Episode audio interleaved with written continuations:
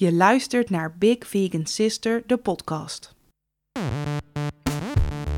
Mijn naam is Lisa en ik strijd voor een wereld waarin we niet alleen liever zijn voor elkaar, maar ook voor onszelf. Met deze podcast ben ik er voor iedereen die een positief verschil wil maken in deze wereld, maar geen idee heeft waar te beginnen. Samen met mijn gasten neem ik je mee langs allerlei onderwerpen die bijdragen aan een inclusievere wereld en bied ik je herkenning, nieuwe inzichten en een heleboel praktische handvatten om direct mee aan de slag te gaan. En vergeet niet, we zijn hier om te leren.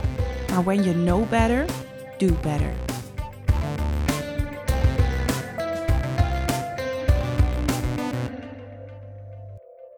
Welkom bij deze nieuwe aflevering van Big Vegan Sister, de podcast. En ik heb jullie lekker voor de gek gehouden, want ik zei in de vorige aflevering dat de volgende aflevering een aflevering zou worden met Lisa Slootman en Bowie Redman over lichaamsbeeld en eetproblematiek. Maar ik voelde inmiddels de urgentie om deze aflevering nu op te nemen over alles wat maar met corona te maken heeft. Dus die aflevering met Lisa en Bowie die volgt nog hierna en dan echt. Maar nu eerst even deze. Ik hoef het jullie vast niet meer te vertellen, maar voor de volledigheid van de aflevering doe ik het toch maar even. COVID-19, ofwel het coronavirus, heeft onze wereld in zijn macht. Ons leven staat behoorlijk op zijn kop en ik vond het niet passend om hier geen aandacht aan te besteden. We zitten nu in de vierde of vijfde week van de quarantainemaatregelen. Ik ben een beetje de tel kwijt, weet jij het nog, Ren? Nee, ik heb ook geen idee. De vierde of vijfde week in ieder Ja, geval zoiets. van deze intelligente lockdown. Ja, en iedereen gaat daar heel terecht op eh, zijn haar hun eigen manier mee om. Met de bizarre staat waar de wereld op dit moment in verkeert. En ik denk dat we allemaal heel veel leren van en in deze tijd. Maar een tijd als deze laat denk ik ook wel de ware aard van mensen zien. En dit kan zowel goed als slecht uitpakken. Nou, ik zie heel veel dingen voorbij komen, vooral op sociale media, waarvan mijn tenen krop trekken, me de tranen over de wangen lopen en dan niet op die goede manier. Eh, of waarvan ik mijn telefoon door de kamer wil smijten van woede. En het voelt niet goed om dit de hele tijd meteen à la minuut te delen in mijn stories. Want ik wil hier jullie niet steeds zomaar mee lastigvallen. Omdat ik weet dat Instagram juist een plek is waar heel veel mensen even weg proberen te zijn van alle sores uit het dagelijks leven. Maar het voelde ook niet goed om dan maar helemaal niks te delen met jullie. Dus ehm, kies ik er heel bewust voor om deze aflevering op te nemen, waarin ik al mijn inzichten, frustraties, ideeën, tips en handvatten die maar met corona te maken hebben, bundel. Voordat we beginnen wil ik jullie ook even op het hart drukken. Ben je er nu niet aan toe om hierover informatie tot je te nemen? Zet deze aflevering gewoon af. Luister een van mijn andere afleveringen. Zet een muziekje op, weet ik veel.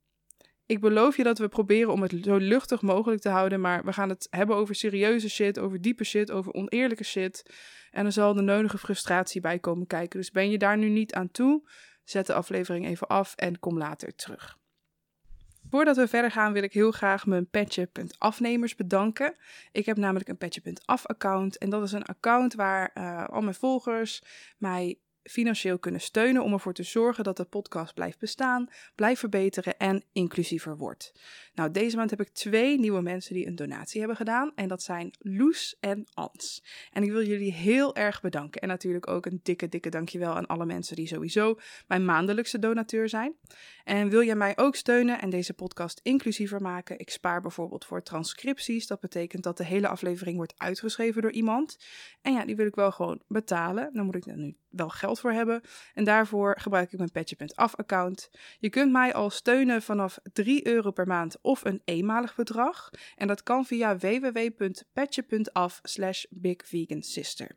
En als maandelijkse abonnee krijg je daar naast eeuwige dank ook hele toffe bonuscontent voor terug.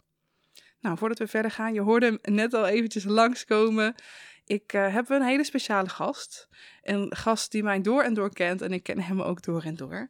Want tegenover mij zit Randy. En Randy is mijn vriend, mijn quarantainepartner in crime, muzikant, organisator, druktemaker, mijn manusje van alles achter de schermen en vandaag de gast in mijn podcast. Nou, Randy en ik zitten samen met ons hondje Mila in sociale isolatie en we hebben iedere dag diepe gesprekken tot enorme rants over de coronacrisis en wat dit met ons doet, wat het met de mensen om ons heen doet, wat het met de wereld doet.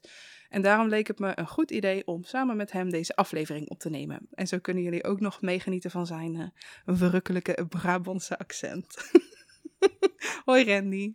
Oh ja, nu ga ik ABN proberen te praten. maar dat ga ik niet lang volhouden. Nee, dus ik ga het maar gewoon bij mijn Brabants houden. Goed zo. Hey, eh, Randy, hoe is het eigenlijk met jou nu in quarantainetijd? Ja, ik, ik merk dat, eh, dat het in het begin niet zo heel erg goed ging. Eh, ik heb gewoon best wel een rotperiode gehad vor- vorig jaar. En dan was ik lekker eh, bovenop aan het klimmen. Maar toen kwam dit in één keer en toen zat ik weer aan het huis gekluisterd. Terwijl ik het juist heel erg nodig had om naar buiten te gaan en onder de mensen te zijn. Want daar heb ik mezelf vorig jaar onthouden. Dus dat kwam best wel even als een klapje aan. Eh, ik merkte dat ik super depri werd van alle shit die ik op social media voorbij zag komen. Van al die zogenaamde experts. Van alle mensen met een aluminium hoedje op. En ja, ik kan zeggen, eh, ik kan zeggen als je heel de dag al met iets bezig bent in je hoofd. En je gaat even op social media en je ziet corona, corona, corona, corona. Dat je er eigenlijk best wel scheidsziek van wordt. Daarnaast ben ik naar een baan aan het zoeken. Want eh, ik ben bij mijn vorige werkgever gestopt. Dat gaat ook een heel, eh, of ja, een heel klein stukje moeilijker. Dat gaat ook verrekte moeilijk, omdat er bijna niks meer bij komt. Maar ondanks alles gaat het toch wel momenteel goed. Omdat ik mijn social media wel vaker af heb gezet. En gewoon dingen doe die ik ook wel tof vind. Ja, we houden het wel redelijk uit hier met z'n tweeën in quarantaine. Ja, hoe het met mij gaat, wisselend. Ik herken Randy's frustratie over hoe iedereen overal mee omgaat en de meningen die worden gedeeld enorm. Uiteraard, nogmaals, iedereen mag hier op zijn eigen manier mee omgaan. Maar de manier waarop er wordt gepraat over de hele crisis, de manier waarop er in de media over wordt gepraat, over bepaalde groepen mensen, het racisme dat dit omhoog brengt, het validisme dat dit omhoog brengt. Er zijn ook allemaal dingen waar we het over gaan hebben vandaag. Ja, die frustreren mij enorm. Nou, Instagram was voor mij ook altijd een plek waar ik, tuurlijk, weet je, het is ook mijn werk en het is mijn activisme. En ehm, ik kwam daar al om dingen aan de kaak te stellen, maar nu kan je gewoon niet meer ontsnappen aan het feit dat ons land in een crisis zit. En als je daar de hele dag mee bezig bent en dan ook nog op je social media kanalen en overal is het alleen maar corona, ja, dat is behoorlijk heftig. Oké, Ja. zullen we dan ook maar beginnen met die berichtgeving? Ja, we hebben volgens mij een heel lijstje Ja, we gemaakt. hebben een ik heb hem hele niet- lijst. Ik heb hem niet voor me, want ja, jij bent meer van de lijstjes, dus eh, shoot maar. Oké, nou, ik, eh, ik heb dus een hele lijst gemaakt, met, ja, samen met Randy, met allerlei onderwerpen die ons frustreren. Ik beloof jullie, aan het eind komt er ook nog positiviteit. We gaan ook nog eh, aan je vertellen wat je kunt doen als je iets wil doen, als je daar de energie, tijd, geld voor hebt. Maar ook wat je voor jezelf kunt doen om te zorgen dat je deze tijd zo goed mogelijk doorkomt. Ehm, maar allereerst wilde ik graag beginnen met, ehm, wat vinden wij eigenlijk van de berichtgeving rondom corona? Ja, dat ligt er net aan aan welk medium je gaat kijken. Je hebt natuurlijk eh, van die iets wat rechtspopulistische sites. eh, waarvan die mensen als Robert Jensen nieuws vandaan halen. Die overigens ook een prachtige show online heeft. Ja. Dan heb je gewoon het, la- het landelijke nieuws. Waar ik nou overigens maar een keer of twee per dag nog check in plaats van heel de dag door. ja, ik ook. Daar zie je, daar komen de cijfertjes voorbij. Dan zie je hoe dat er in de wereld aan toe gaat. Dat is gewoon puur, puur de zakelijke feitjes. En je hebt dan natuurlijk ook gewoon bijvoorbeeld sites als eh Jo.nl, die er in het begin nog redelijk luchtig over deden. En nu eigenlijk alleen maar weer. eh, hetgene was ze altijd, zeg maar. eh, Jo.nl is een, is een site van de Vara. Waar Francesco van Jola aan, eh, aan het roer zit. En die, die, die zijn altijd heel goed in mensen de maat nemen. Alleen nu merk ik dat echt elk artikel dat ze op het moment posten gewoon een sensatieartikel is. Bijvoorbeeld gisteren zag ik er iets langskomen waar je verder nergens in wat voor soort media dan ook nog voorbij zag komen. Ja, uit onderzoek is gebleken dat anderhalve meter eh, afstand houden niet genoeg is. Moet eigenlijk 4,5 meter zijn. En dan denk ik van, wat wil je met deze opmerking toevoegen? Dat mensen nog banger worden? Ja. Dat nog meer mensen hun werk kwijtraken? Dat nog meer mensen thuis komen te zitten en niet meer naar buiten Ja. durven? Maar ja, eigenlijk... Ik blijf het lezen op de een of andere manier, jo.nl, maar daar zou ik ook mee moeten kappen, want Ja, die, eh, die zijn ook echt heel erg van het ene verkondigen en het andere uitvoeren. Het is niet practice what you preach op die site. ja.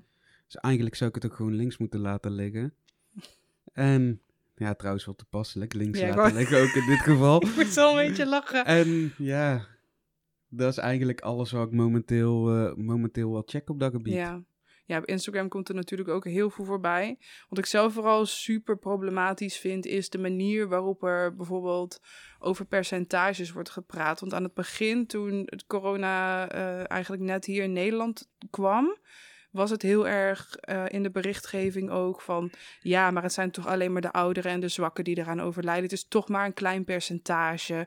Dus er zijn toch maar weinig mensen die ziek worden. En ja, die mensen die ziek worden, ja, die hadden toch al iets... of ja, die waren toch al oud. En dan denk ik, hoe kun je dit zeggen over mensenlevens? Want ook uh, deze week was er een column van Kees van Amstel... waarin die uh, heel terecht kritiek uitte op Jort Kelder. Ik weet niet meer precies wat Jort heeft gezegd. Weet jij dat oh, nog, ja, uh, ik, Raan? Ik, uh, ik weet het wel. Dat we onszelf als Nederlanders uh, maar eens achter de oren moeten krabben. Of dat het wel waard is om al die dikke bejaarden te gaan redden die momenteel op de IC liggen. Want ja, ze kosten ons alleen geld en ze leveren eigenlijk, ze leveren eigenlijk niks meer op voor onze economie. En ja, er kwam natuurlijk een shitstroom over die... Ja, uh, ik moest echt zo hard huilen over, toen ik dat hoorde. Er komt een shitstroom over die uh, idioot met zijn bretels heen. Maar uh, dan, de, dan denk ik ook... Uh, normaal gezien zou je... Het, het, het is in zijn geval niet eens gemeend. Want het is gewoon echt een ongelooflijk vreselijk mens. Zou je sorry zeggen? Heeft hij ook gedaan. Het spijt hem dat hij de eerste was die het nieuws bracht. Want ja. over vier weken zullen we allemaal zo denken. Nou, sowieso is een percentages denken heel erg fijn om dingen voor jezelf te relativeren. Ja, dat wel. Er zijn, dat is er zijn belangrijk. Zijn nou op het moment... Uh, uh, ik, weet, ik weet niet hoeveel, hoeveel doden wereldwijd. Uh, boven de 200.000. Als je kijkt naar de wereldbevolking is het niks. Is het echt gewoon... Is het 0,00 zoveel procent. Maar dat doet er niet toe. Want gewoon... Ik ben, ik ben anderhalf jaar geleden mijn moeder kwijtgeraakt. Stel dat er aan corona was gebeurd. Het was wel 100% mijn moeder dat, die ik ben kwijtgeraakt. Dat. En niet 0,0001% van de wereldbevolking. Het is 100% mijn moeder. Dus een beetje meer medeleven in die berichtgeving mag ook wel. Ja. En Jocht Kelder is sowieso ook zo'n idioot die, we, die maar blijft roepen van... Uh, ja, het levert niks op aan de economie en... Uh, we moeten gewoon kijken, die mensen zijn niks waard. Maar ondertussen gaat hij tegen, tegen alle, tegen alle, hoe moet ik het zeggen, adviezen van het RIVM in. Wel gewoon naar zijn, eiland, naar zijn eilandje uh, op ja, de Waddenzee. op uh, Terschelling, ja. Uh, om daar lekker vakantie te houden. Maar ja, hij is ook geen toerist. Want ja, ik betaal in tegenstelling tot die paupers op dat eiland wel meer dan 50% belasting. Ja. Dus ik heb er alle recht toe. Ja, Ja, je hebt ook Dat alle ook. recht om gewoon een keer eh, zonder zwemvest op de open oceaan te gaan zwemmen. Ja. Maar dat hoef je voor mij ook niet te doen. Idioot. ja, maar het is ook gewoon, weet je, we weten allemaal dat we in een kapitalistisch systeem leven. En nu komt gewoon echt naar boven hoe ongelooflijk intens evil zo'n systeem is. Want het enige wat telt is hoe productief je bent. Je productiviteit staat gelijk aan je waarde. Dus kun jij niet van nut zijn voor de economie? Lever je niet genoeg waarde? Nou, dan ben je dus ook niet van belang. Het gaat hier godverdomme om mensenlevens.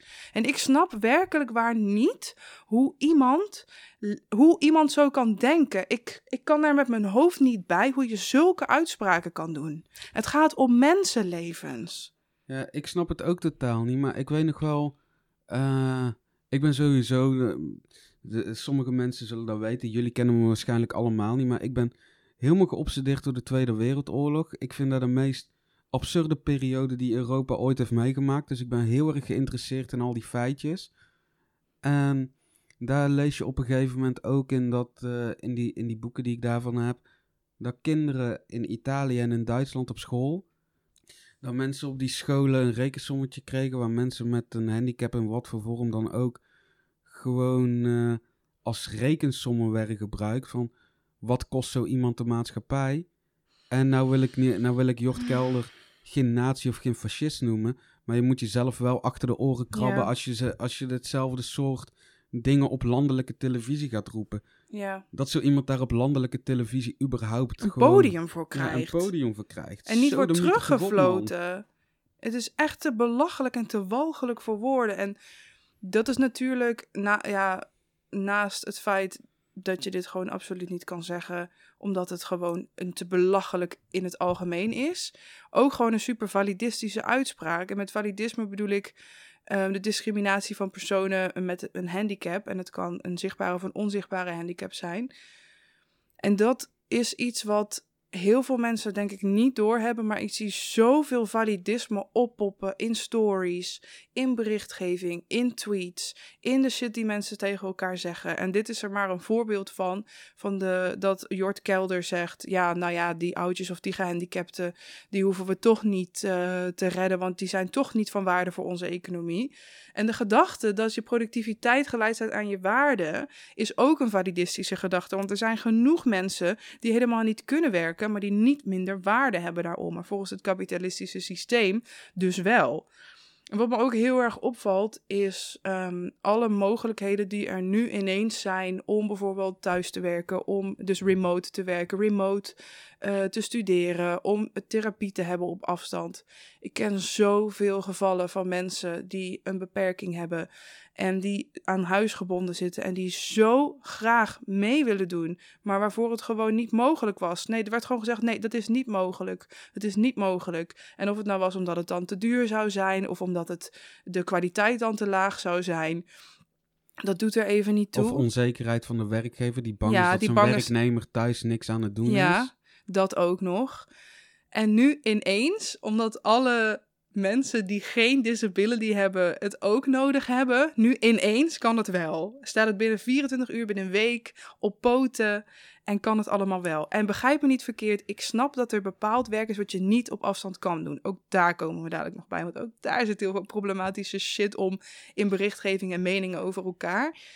Er zijn, het zijn natuurlijk dingen die je niet vanuit werk kan doen. Ik uh, van, sorry, vanuit huis kan doen. Ik snap dat je voor sommige dingen het fijner is om elkaar face-to-face te zien. Maar het is belachelijk dat een heel groot deel van onze samenleving, want vergis je niet, 10 tot 15 procent van alle mensen in Nederland heeft een disability, dus heeft een soort van beperking, welke soort dan ook, structureel wordt uitgesloten. En nu ineens blijkt dat het al die tijd niet nodig was geweest, of zoveel minder nodig was geweest. Dat mensen gewoon vanuit huis hadden kunnen werken, dat mensen vanuit huis therapie konden krijgen. En het is. Ik behoor niet helemaal tot die groep mensen, want ik kan nog wel naar kantoor. Maar ik merk wel dat mijn lichamelijke gestel. Ik heb voor de mensen die nu voor het eerst luisteren best wel ernstige vermoeidheidsklachten.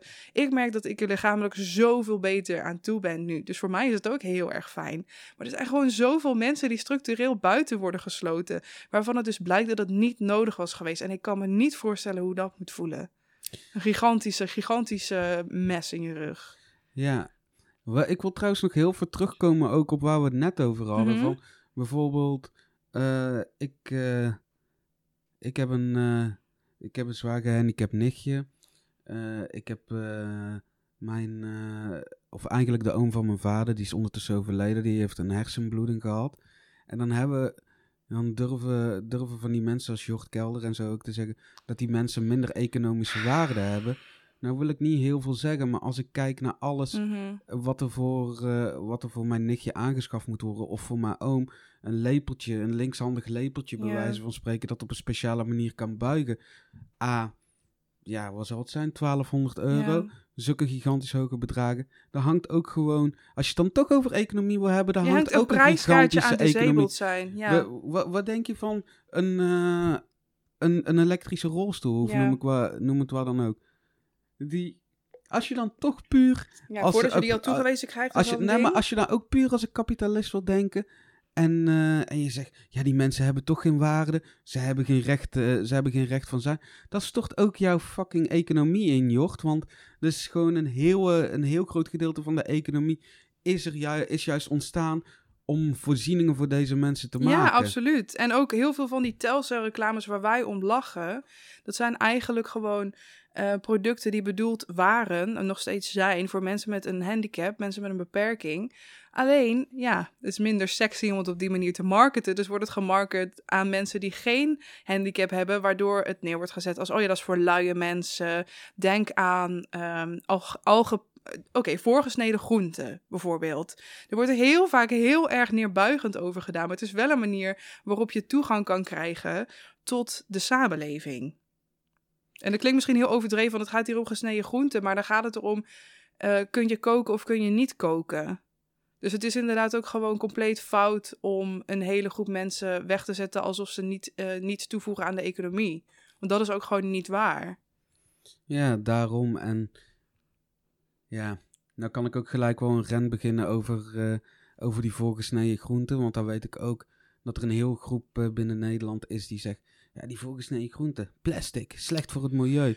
Maar ik denk dat we daar beter Ja, een andere we keer over een kunnen apart- hebben. Over, aparte eh, aflevering over opnemen, want echt.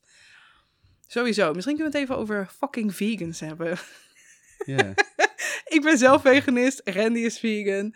Maar We zijn twee fucking we vegans zijn die twee fucking vegans die nu even gaan renten over fucking vegans. Want ik zie gewoon berichten voorbij komen van veganisten. En dat zijn eigenlijk vooral mensen die plantaardig eten. Die zichzelf dan uit zeggen: Ik volg een whole food plant-based diet. Begrijp me nu niet verkeerd. Ik ga niet iedereen over één kam scheren. Maar het zijn wel vaak die mensen die dit posten. Wel En- een bamboekammetje overigens in dit Ja. geval, hè? Plastic is uit een Plastic, boze. nee, dat mag niet. Oké, een vrije uitloop bamboe kam. Eh, oh nee, vrije uitloop is ook niet goed. Ehm, nou ben ik mijn hele verhaal kwijt, Ren. Oh ja, nee. Ehm, ik zie berichten voorbij komen van vegans die zeggen... Ja, maar ik hoef me geen zorgen te maken, want ik eet zo gezond. Ik ben niet bang voor corona. Dit, er is een dokter, een Amerikaanse dokter, Ja, veganist is. zeg je het daar al niet mee? Een Amerikaanse? Ja, maar het zijn ook mensen in Nederland. Ik zie mensen in Ja, Facebookgroepen. ik dat moeten, het. hoeven wij ons wel zorgen te maken. We zijn toch vegan? Ja. Wow, wauw. Hoe groot is jouw superioriteitscomplex? Ja, nou, eh, ik weet toevallig dat wij hier ook nog eh, een keer een, eh, over elitisme in, Ja, in de dan gaan we veganistische sowieso wereld gaan we sowieso aparte- ook nog een keer een aflevering opnemen. Ja. Maar die mensen hebben inderdaad een gigantisch groot bord voor, Ja. voor hun kop. Die, maar kijk, ik, ik, snap, ik snap ergens de woede ook wel die hier bij een groep veganisme, veganisten Ja, is. daar komen we ook nog wel op, inderdaad. Ja, ik kan nou alvast wel heel kort toelichten. Jawel, mag wel, ja. Eh, het, is, eh, het hele gebeuren is weer ontstaan eh, door het eten van dieren. Ja, dat is iets te kort door de bocht. Het is waarschijnlijk ontstaan door het eten van dieren, als je de berichtgeving mag geloven. Daar word je gewoon treurig van. Zeker als je nou ziet, nu het wel lekkerder weer begint te worden, dat iedereen weer vlees aan het eten is. Maar aan de andere kant denk ik, van loop niet zo fucking elitair te doen. Door zulke soort dingen constant te roepen, ga je echt niks veranderen aan de Nee, wereld. dan ga je alleen maar mensen tegen je krijgen. Kijk, oké. Ehm, COVID-19 is een zoonose. En dat betekent dat het een infectie is die van dier op mens wordt overgedragen. Er zijn een heleboel voorbeelden van. Je had ook eh, eh, mond- en klauwzeertog en bijvoorbeeld SARS of ebola. Als ik het goed heb, eh, correct me if I'm wrong. zijn dat, zijn ja, heel di- inderdaad. Het zijn allemaal, dat zijn zogenaamde zoonosen. En ehm, heel kort door de bocht, inderdaad, worden deze ziektes van dieren op mensen overgedragen omdat we dieren opeten. Maar we nemen heel veel van hun leefgebied weg. Er worden heel veel bos gekapt, waardoor dieren bijvoorbeeld eh, weg moeten trekken uit de bosrijke gebieden in een stad terechtkomen. Daar worden ze uiteindelijk opgegeten door mensen, waardoor dieren op plekken terechtkomen waar ze eigenlijk helemaal niet horen, waardoor ze infecties over kunnen dragen die normaal daar nooit zouden zijn. Dat is even de hele korte uitleg. Dus ja, inderdaad, als wij een helemaal vegan wereld zouden hebben, zou het een heel stuk moeilijker zijn om zoonose over te dragen. Want dan zouden we veel minder landbouwgrond nodig hebben. Want vergis je niet, al die soja die wordt verbouwd is niet voor vegans. Dat is maar een heel klein deel. De meeste soja wordt verbouwd, zeg maar waar de regenwoud voor wordt gekapt. Om dieren te kunnen voeden. Nou, dieren moet je ook weer voeden met eh, landbouwproducten die mensen ook zelf op kunnen eten. Dus inderdaad, als we een vegan wereld zouden hebben, zou er een hele grote kans zijn dat er ziektes als COVID-19 niet worden overgedragen op mensen. Maar dat betekent niet dat we nou compleet gevoelloos moeten gaan communiceren vanuit onze elitaire positie, omdat wij wel de mogelijkheid hebben om allereerst informatie te hebben over wat veganisme is, wat dat inhoudt. B, genoeg geld te hebben om eh, lekker en eh, gezond eten te kunnen kopen. Ja, Begrijp me niet zo- verkeerd. Je kan ook heel goedkoop vegan eten, maar het Ik- is wel ik- een voorrecht. Ik weet het dat je heel goedkoop vegan kan eten, het maar is dan, wel dan echt een krijg je, voorrecht. dan, het is inderdaad een voorrecht, want dan, krijg, dan zie ik altijd voor me een, eh, ja, meestal iemand in een bloemetjesjurk tot aan de enkels, met van die flip-flop teenslippers, ik weet niet hoe die dingen heten. Die dan zeggen van...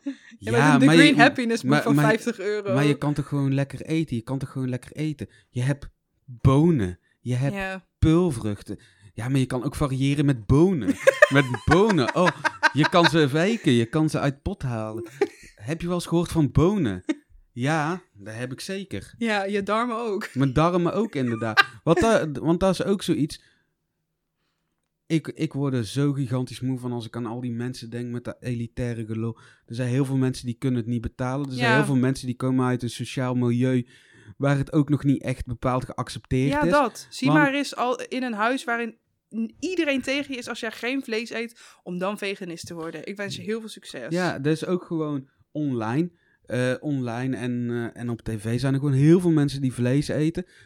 Het is niet voor iedereen weggelegd om in één keer tegen de stroom in te gaan zwemmen.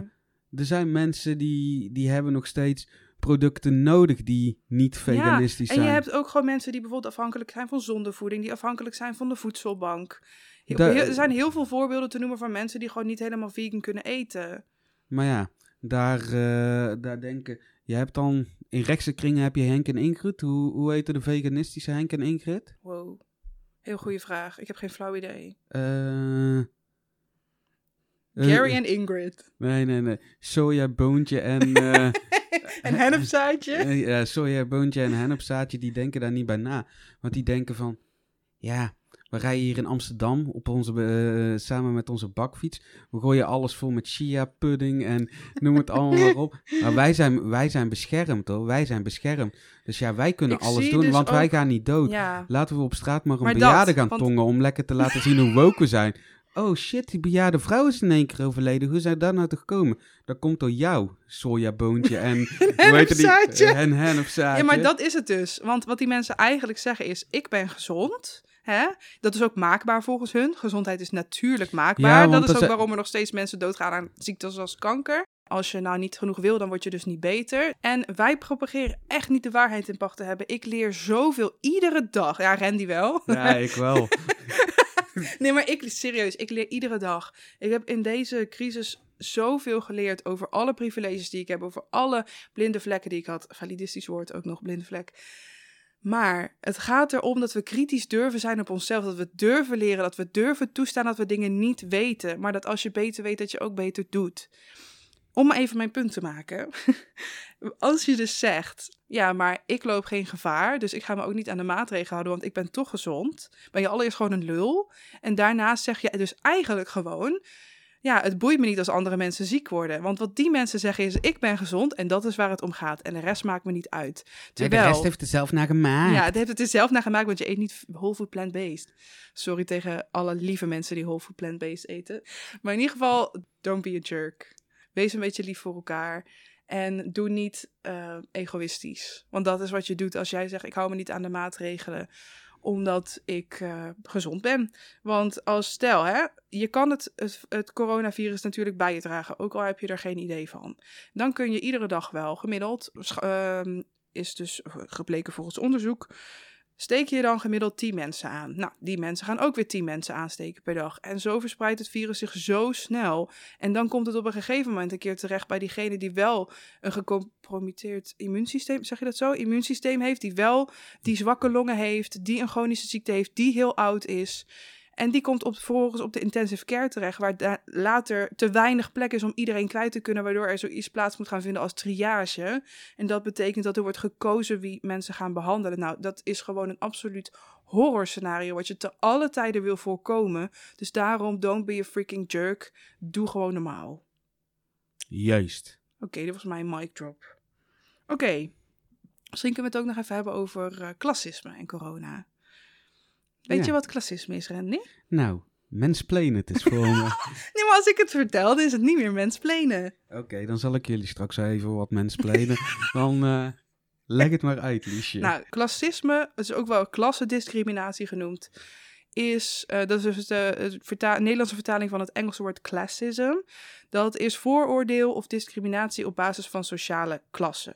Ehm, en volgens Wikipedia omvat dit individuele attitudes, gedragingen, systemen van beleid en praktijken die zijn opgezet om de hogere klasse ten goede te komen ten koste van de lagere klasse. Met andere woorden, is dit het systeem waar kapitalisme op gebaseerd is eigenlijk. Het is als Als ik het even heel vrij mag zeggen. het is als een trein waar de tweede klasse overvol zit en waar in de eerste klasse Niemand, één, ja, één man op zijn stoeltje zijn financieel dagblad zit te lezen. Ja. Terwijl, wij, terwijl wij verzuipen in de frikandellenbroodjesgeur van de overige paupers. Ja, dat is klassisme. En in de praktijk ziet het er heel vaak uit als dat de onderste laag de hardste klappen krijgt. En ook zo'n crisis als deze legt voor mij heel goed bloot wat al die verschillende lagen van de samenleving zijn. Hoe wij eigenlijk met z'n allen, en dan generaliseer ik heel erg, maar eigenlijk denken over die mensen. Hoe de regering denkt over verschillende lagen in de samenleving. Hoe belangrijk de regering deze acht.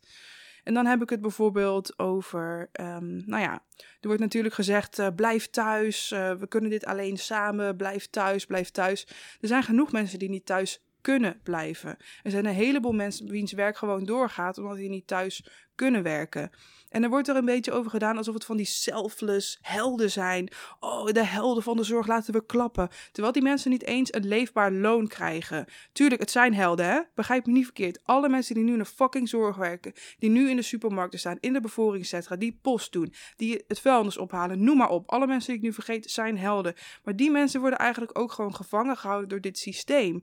Want als zij niet gaan werken, hebben zij geen geld. Dan kunnen zij niet overleven. Dan hebben zij geen eten. Dan kunnen ze zichzelf niet voeden, hun kinderen niet voeden, de huur niet betalen. En als het dan zulke gigantische helden zijn, als van meneer Rutte roept, zorgen dan ook voor dat ze als helden worden betaald. Ja, dat dacht ik dus ook. Dus betaal ze in ieder geval een beetje een leefbaar loon. Of kom in ieder geval, als je het niet kan betalen, want daar zal dan ook wel opgevoerd worden, met de kleine, met de kleine geste. Geef ze een eurotje in, eh, Ja. een euro per uur. Het maakt niet Iets, uit. Laat iets. blijken dat ze helden zijn. Ja, In plaats van dat we met z'n allen een minuutje symbolisch Ja. moeten gaan staan te klappen. ook mooi. en waar dan maar iedereen op Instagram en vooral die mensen die... En vooral ja, de- sorry, de- de vanuit hun ivoren torens. Oh, Oh, ik, geweldig. Even klappen. Nu ga ik weer in het zwembad Ik, liggen, eh, hoor. ik heb er zo gigantisch veel kippenvel van. Ja. Ja. Oké, nu ga ik weer even mijn Marley Spoonbox uitpakken. En even lekker koken in mijn keuken van 25 vierkante meter. Oh ja, maar kippenvel is eigenlijk niet vegan. Dus dadelijk wordt een chiazaadje en... maar, en hennep. maar vertel, vertel verder. Ja, want ik, ik had bijvoorbeeld een, eh, een artikel opgezocht. Waar heb ik die nou vandaan? Oh, weet ik niet eens meer. Oh, sorry. Eh, De Volkskrant. En daar is ook, ehm, was iemand aan het woord die nu... ehm, het ging over mensen, werkende mensen die in armoede leven. Want er wordt heel vaak gedacht dat als je maar werkt, dat je dan niet arm kunt zijn. En als je arm bent, moet je maar een baan zoeken. Nou, er zijn dus hele, naast dat het gewoon een heel problematisch idee is dit, ehm, er zijn er natuurlijk een heleboel mensen in Nederland die keihard werken en gewoon eigenlijk niet of nauwelijks hun hoofd boven water Ja, kunnen daar heb je in Engeland ook gewoon een naam voor. De working De poor. working poor, ja. De werkende armen. En dat is in Nederland ook een, helaas een heel reëel ding. Ehm, hier was bijvoorbeeld een voorbeeld van Isabelle. Die werkt 27 uur per week op huisartsenposten in Noord-Brabant. Ze draait alleen maar onregelmatige diensten, zoals de avonden en de nachten. En hierdoor verdient ze meer dan met een volledige werkweek met regelmatige uren. Dus, maar ze heeft wel ook nog kinderen. En sinds half maart staat Isabelle op een speciaal ingerichte isolatiepost voor ernstig zieke coronapatiënten. Dus denk even aan het risico dat zij loopt. Aangezien ook, weet je wel, mondkapjes moeten herbruikt worden en zo. Echt. En ze vertelt, ik werk keihard en nu ook nog eens onder riskante omstandigheden. We worden de hemel ingeprezen voor ons heldhaftige werk, maar ondertussen heb ik geen geld voor noodzakelijke uitgaven en moet ik naar de voedselbank. Vergis je niet, bij de voedselbank komen veel meer mensen met werk en die groep neemt door het coronavirus alleen maar toe. En ik vind het zo verschrikkelijk dat dit gewoon gebeurt in ons land. Ja, en dat is, dat is iets... Daar, daar, wordt, daar wordt op de een of andere manier ook door, door... Met name door partijen als de VVD in stand gehouden. Want maak er eens een, eh, maak er eens een makkelijk rekensommetje op. Als jij 32 uur in de week, bij wijze van spreken... bij een bedrijf als Teleperformance werkt... Wat Ik is noem- dat? Ik noem ook expres dit bedrijf omdat dit gewoon de duivel op aarde is. Dat is een bedrijf dat bijvoorbeeld door Zigo, door Bol.com wordt ingezet. Oh, voor Daar- klantenservice. Daar krijg je, daar we, ik heb daar ook heel even gewerkt, dan krijg je te horen. Ja, je verdient net iets meer dan minimumloon. Want ja, onze werknemers die eh, hebben aangegeven dat ze, dat, ze hun pas, eh, dat ze geen pensioen op willen bouwen. Ja, daar Hm. geven werknemers aan. Omdat ze dan 15 cent per uur meer overhouden. Daarom. Maar die mensen hebben aan het eind van de maand hebben ze net genoeg om van heel veel, eh, om van heel veel regelingen niet gebruik te kunnen maken die elke gemeente heeft. Eh, ze, ze krijgen bijvoorbeeld geen huursubsidie. Ja. eh, ze- of ze hebben geen recht op huursubsidie. Hun kinderen zijn ouder dan wet- 18, kinderbijslag valt weg. Kinderbijslag valt weg. Je hebt geen witgoedregeling. Het wordt niet beloond om te werken in dit Ja. land. En dat is het kutte. En iedereen eh, waarvoor een uitkering nodig is, die, die, moeten, die moet hem ook natuurlijk krijgen. Maar Ja. beloon ook de mensen die wel kunnen werken en wel willen werken. Ja, absoluut. Kijk, er moeten natuurlijk goede voorzieningen zijn voor mensen die niet kunnen werken of die geen baan kunnen vinden of wat dan ook. Maar het wordt je nou niet bepaald aantrekkelijk gemaakt om wel te gaan werken. Want je moet wel heel veel geld verdienen. Wil jij op een positieve manier profiteren van het systeem? Ja, want, kijk ook nu naar de steun die wordt geboden. Ik, kijk, eh, ik vind het fantastisch dat er steun wordt geboden aan ZZP'ers, aan MKB-bedrijven en zo. oh, die maar- ZZP'ers die het er zelf naar hebben gemaakt volgens Quibus. Oh ja, oh. Mensen die bedrijven als, eh, als hoe, hoe, hoe heet het ook alweer, dat postbedrijf, PostNL, die, die ZZP'ers in dienst nam in een of andere schijnconstructie waar uiteindelijk niet mocht. Deliveroo was dat ook. Ja, Deliveroo ook, maar ook gewoon onze? Nederlandse, Oh daar, daar werkten toen ook allemaal ZZP'ers voor. En hadden ze een keuze? Nee, ze moesten zich maar Ja. inschrijven als ZZP'er. Maar het ZZP'er worden is heel vaak geen keuze. maar het was, voor, het was volgens meneertje Wiebes, die we eigenlijk gewoon Quibus moeten noemen, was het, eh, ja, was het Had toch je eigen risico. Want je wou het zelf. Ja, Ja. je wou het zelf. Net zoals dat iedereen momenteel in een tiny house wil wonen. Nee, het is het enige wat ja, beschikbaar maar is als zeggen je, wat je betaalbaar is, ja. Maar ja, Wiebes, ach, zo de miet erop met die vent. Ja. Nee, echt volledig met je eens. Maar wat mij dus ook heel erg stoort, is dat overal, weet je wel, die grote bedrijven die net nog fucking veel geld hebben betaald aan al hun aandeelhouders, die worden gewoon zonder enige vraag of pardon, weet je wel, schijnbaar dan zonder enige vraag. Oh ja, hier heb je een paar miljoen of een paar miljard. Ja, want, en bijvoorbeeld bedrijven net zoals Amazon, die aan hun werknemers vragen. Dus gewoon aan hun werknemers vragen of dat ze hun vakantiegeld in willen leveren voor de mensen die niet meer zouden kunnen werken. Oh mijn god. Terwijl is- die man verdient ongeveer 8 miljoen per minuut. Ja, de, de, rijkste, de rijkste man ter wereld. Of al die bedrijven die nou ook arbeids, eh, arbeidstijdsverkorting aanvragen. Ja. Die inderdaad dividend hebben uitbetaald aan de Ah. aandeelhouders. Maar ook En echt... geen fucking belasting betalen. En die willen dan wel van het belasting dat ze niet betalen een tegemoetkoming hebben. Om zo, eh om Ja, maar ook als het Ja, maar dat ook als het geld nou nog eens echt naar de werknemers ging. Maar dat gebeurt niet. Dat gebeurt in eerste instantie al niet en het gaat nu ook niet gebeuren. Dus de onderste laag vangt weer eens de hardste klappen. Plus, we worden er ook wel toe gedwongen. Want als we het niet doen, als we die bedrijven geen steun geven, dan flikkeren ze iedereen buiten. Ja, dat is het en dan ook kosten, nog. ze, dan kosten ze Ja, en dan... onze eh, tra- economie nog meer. En ja, Ja, maar ook de individuele gevallen. Er zijn gewoon mensen die daar gewoon niet bovenop komen. nee, klopt. Die komt gewoon in de schuldsanering terecht dan. Waarschijnlijk. Ook, ze, ook zoiets. Dat heeft eigenlijk helemaal niks met de corona te maken. Maar ook als je kijkt hoeveel mensen er in de schuldsanering zitten. Of hoeveel mensen erbij gebaat zouden zijn om in de schuldsanering te zitten. Maar dit niet durven. Omdat er dan letterlijk op het gemeentehuis een briefje komt te hangen met daarop. Van eh, Pietje Puk uit eh, Edisonstraat 26 in Eindhoven. Die, eh, ja, die zit in de schuldsanering. Komt in het gemeentehuis te hangen. Komt in, het gemeen, in zo'n gemeentelijk krantje te staan. Dat wist ik niet eens. Dat is echt te walgelijk voor woorden. Dat is echt waar. Oh mijn god. Je had ook ik bijvoorbeeld, niet. kom uit een, ik kom uit een klein stadje genaamd Geertruidenberg. Daar heb je dan ook de lokale roddelbevolking. Die gingen dan elke week lekker even kijken in het gemeentehuis wie er nu weer op het prikbord hing. En eh, om te kijken wie er in de Oh God. zat. Het is echt te Ja, maar er walgelijk. wordt ook gewoon zo'n... Het is gewoon een shame culture eigenlijk. Rond alles eromheen. Je wordt zo hard geshamed als jij hulp nodig hebt. Op, in, op alle gebieden. Het is zo verschrikkelijk. Ik vind het gek dat mensen niet om hulp durven vragen. Als dit de consequentie is. Ja, ik, ik kan het denk ik aan mijn ogen wel zien. Ja. Ik word er echt fucking pissig van. Ja, ik ook. Sowieso ook überhaupt als ze daar ook komen te hangen, maar ook die mensen die daar eventjes gaan kijken van, Ja, dan oh, is wie is toch het nu weer? kom, dan gaan we lekker, Even lekker leedvermaak. dan gaan we vanmiddag even lekker met elkaar eh doorbabbelen op een bankje. Ja, maar ook Want wij gewoon... hebben wel alles goed voor elkaar. Ja, dat ook nog. Ja, maar dat vind ik dus ook. Je merkt ook in deze periode, en daar maken we ons allemaal schuldig aan. Ik natuurlijk soms ook. We veroordelen elkaar zo erg. Ik zie zoveel berichten langskomen van mensen die zeggen: Ja, en ik zie allemaal mensen op straat. En eh, ik zie heel veel mensen die gaan nog met het OV.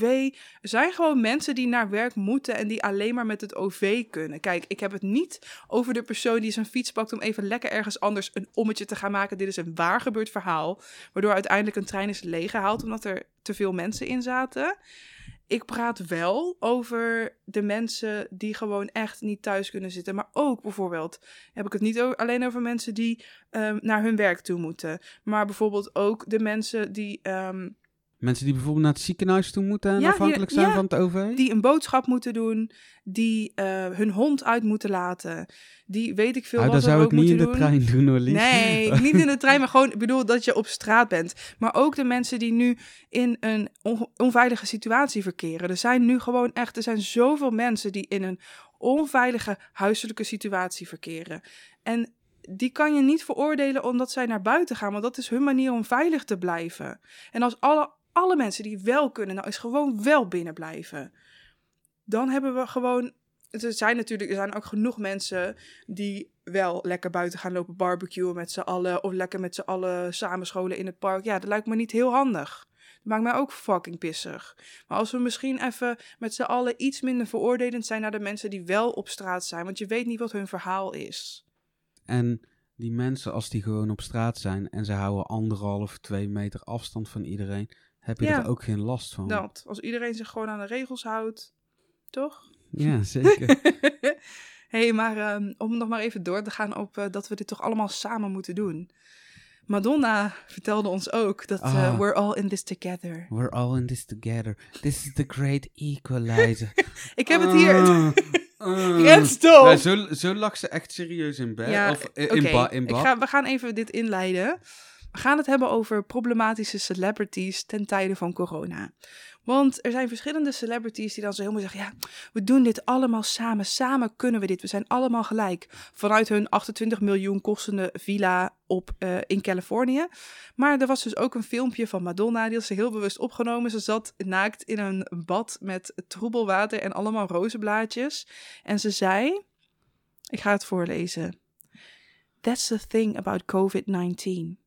It doesn't care about how rich you are, how famous you are, how funny you are, how smart you are. Ik wil nu al kotsen, want het maakt wel uit where you live, how old you are, what amazing stories you can tell. It's the great equalizer. And what's terrible about it is what's great about it. It's made us all equal in many ways. And what's wonderful about it is it's made us equal in many ways, like I used to say at the end of human nature. We're all in the same boat. And when the ship goes down, we're all going down together. Zegt ze vanuit haar fucking miljoenenvilla, waar ze zich kan isoleren. Waar ze waarschijnlijk nog gewoon personeel rond heeft lopen. Ze heeft genoeg geld om alles te kunnen bestellen. Als zij een coronatest wil, krijgt ze die. Als zij eh, medische hulp nodig heeft, dan krijgt ze die. Ik weet niet hoe de fuck zij erbij komt dat we, dat we allemaal gelijk zijn. Want we zijn niet allemaal gelijk. Ja, ik, ik denk sowieso dat Madonna ook wel leidt aan een gigantisch stuk van zelfoverschatting. Ja, dat een gigantisch stuk zelfoverschatting. Ze moeten natuurlijk alles aan doen, ook in, de, ook in deze periode, om relevant te blijven. Want anders als je dan toch een mooie boodschap aan de wereld hebt, die overigens echt gewoon Hm. alleen bij iemand die, eh, die, die door een eigen rijkdom helemaal is gehersenspoeld zo uit de bek kan komen. Kut, wa, wa, nou weet ik niet wat ik wil zeggen. nee, maar die, ja, de, het, het, het- dat, je het überhaupt, dat je het überhaupt al uit, Uit je mond krijgt. maar die mensen, neem ik aan, dat die in hun villa ook gewoon iets hebben als een krant of een nieuwsbericht. En dan lees ik bijvoorbeeld van de week. Ik moet nou nog lachen omdat ik Madonna nog steeds in dat bad zie liggen. Maar het is helemaal Ja. niet grappig wat ik nu wil gaan vertellen. Dat bijvoorbeeld de zwarte bevolking in de Verenigde Staten, die heel dicht op elkaar wonen, Ja. die cruciale beroepen hebben, eh, die niet serieus genomen worden bij de dokter, Ja. die zo weinig verdienen dat ze alleen slecht eten kunnen eten Ja, en als vaak er al aan, eten en aanwezig is. Aan, eh, aan morbide obesitas lijden. Die bevolkingsgroep in de Verenigde Staten wordt het, eh, het hardste getroffen. Dus wie wordt er het hardste Ja. getroffen, Madonna? De arme bevolking. Niet jij in je fucking bad. En ja, ja. als we, als we allemaal, eh, als we allemaal tezamen eh, zullen zinken in de zee, blijf jij misschien in je badkuip nog even eh, drijven. Ja, Denk daar maar eens over na. dat. Zij krijgt een roesje en de rest van de bevolking mag spartelen. En trouwens, ook, ook daar nog over. Madonna, jij zit ook ondertussen in de, in de categorie eh, met, eh, met risicodragers. Of met grote risicodragers. Ja, maar Voor- zij kan zich heel makkelijk isoleren. Ja, ja, ja.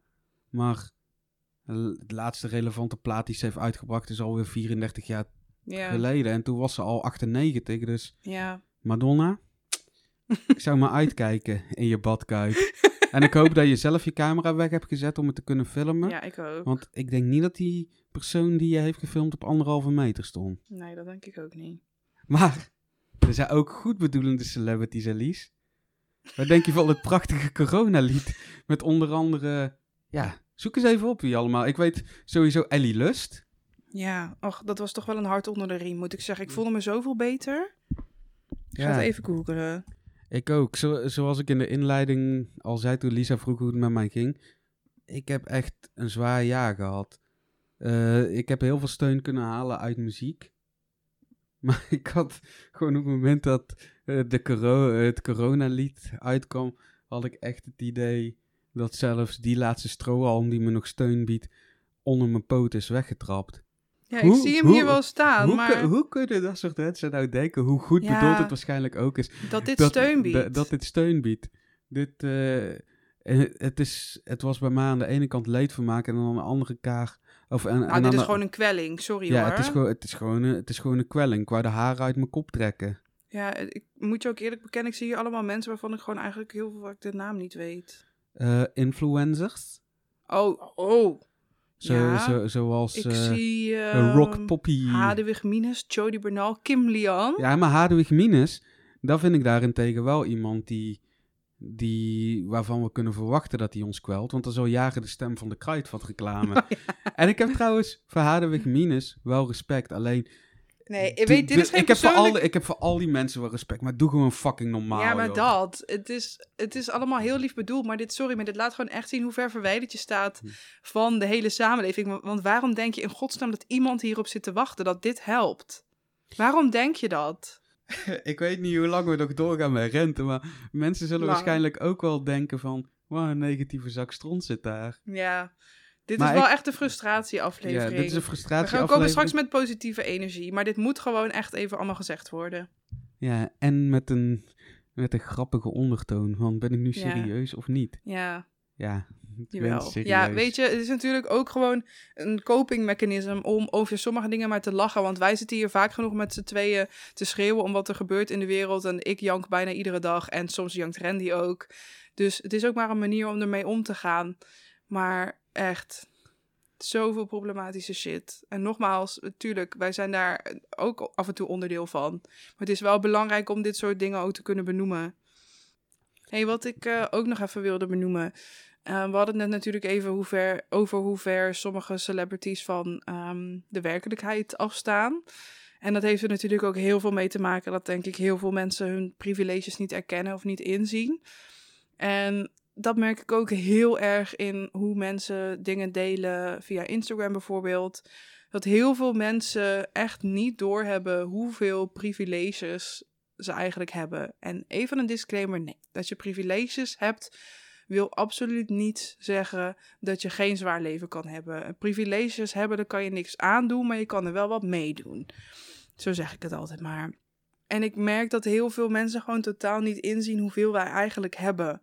En dat er vaak een soort van enorme tegenstelling nodig is, of dat ze het zelf doorleven nodig is om in te zien dat je eigenlijk best wel bevoorrecht bent. Want kijk, ik ehm, heb thank god een uh, baan in loondienst voor twee dagen. Dus ik hoef me voorlopig in ieder geval niet echt zorgen te maken over financiën. Maar ik ben wel mijn allergrootste opdrachtgever kwijtgeraakt. Dat is ongeveer twee derde van mijn inkomen, waar ik echt gewoon super verdrietig over ben. Maar het is gewoon zo'n groot voorrecht dat ik me op dit moment in ieder geval geen zorgen hoef te maken over financiën. Ja, we kunnen nu, sowieso gaan we nu niet op vakantie, natuurlijk kan niet eens. Maar we kunnen misschien nu niet meteen op vakantie of we kunnen geen grote dure dingen aanschaffen. Maar we zitten wel gewoon prima op dit moment, als in dat we geen directe financiële problemen ervaren. Ik zit hier in een huis. Nou, er valt van ellende uit elkaar. Schimmel in de douche, schimmel op het plafond. De schutting brokkelt af, alle muren zijn scheef, we kunnen niks ophangen, want dan valt de muur letterlijk af. Maar we zitten wel in een huis met een tuin. Ja, of, of wat te denken van, we, we, we klagen ook best wel veel met z'n allen. Dat, ja. we, dat we aan huis... Ook. Ja, wij ook, dat we aan huis gekluisterd zitten. Ik moet zeggen, ik heb er ook veel moeite mee. Maar voor heel veel mensen is het ook gewoon echt dagelijkse realiteit. Precies wat ik wilde zeggen.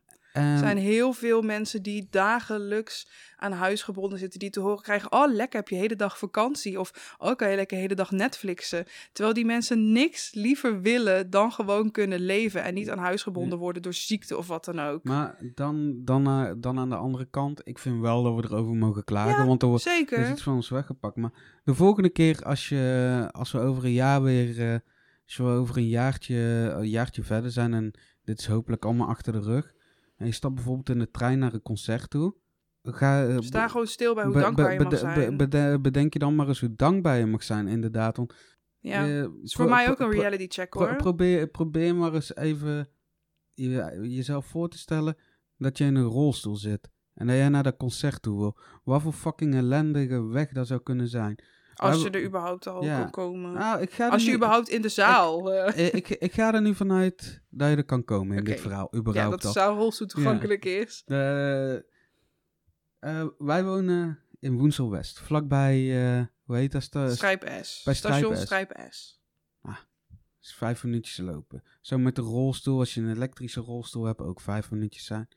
Zei je niet dat je daar niet op kan stappen? Daarvoor moet je naar Centraal toe, wat een stuk verder is. Ja, want er is geen lift. Er zijn alleen maar hele hoge trappen. Ja, dan, dan kom je op Centraal aan. Dan moet je precies... Hoe lang is het van tevoren? Volgens mij moet je een uur van tevoren minstens als het ware aangeven dat je met een trein wil gaan reizen. Ja, dus je moet een uur van tevoren... Ik heb het misschien niet helemaal goed, maar zoiets. Je moet, je moet van, in ieder geval lang van tevoren kenbaar maken dat je wil. Mis je je overstap, heb je ook een probleem. Ja, en dan ook nog maar hopen dat de lift het doet naar het perron. Ja, en, dan, dan, kom, dan kom je bijvoorbeeld in een zeg maar dat we naar Amsterdam te gaan naar concert. Kom je in Amsterdam aan? Ja, je hebt net bij de AA to go eindelijk misschien een keer uh, wat lekkers kunnen scoren. En dan moet ja, je... en dan hopen dat je ook nog bij de display kan om zelf af te rekenen. Ja, maar dan moet je je shit weggooien.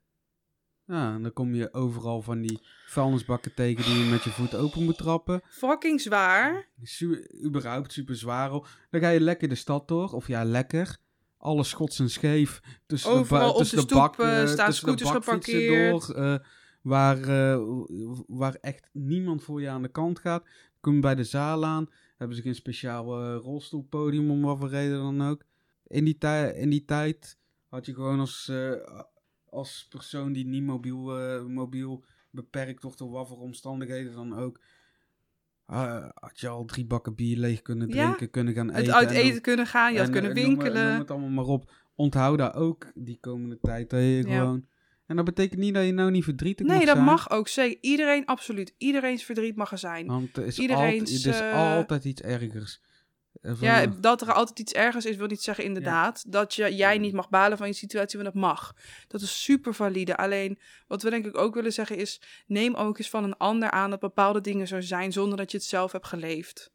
En denk een paar keer na over hoeveel voorrechten je eigenlijk hebt. Kijk, ik ken jouw situatie niet. Maar zelfs al het feit dat je überhaupt een dak boven je hoofd hebt, is een enorm groot voorrecht.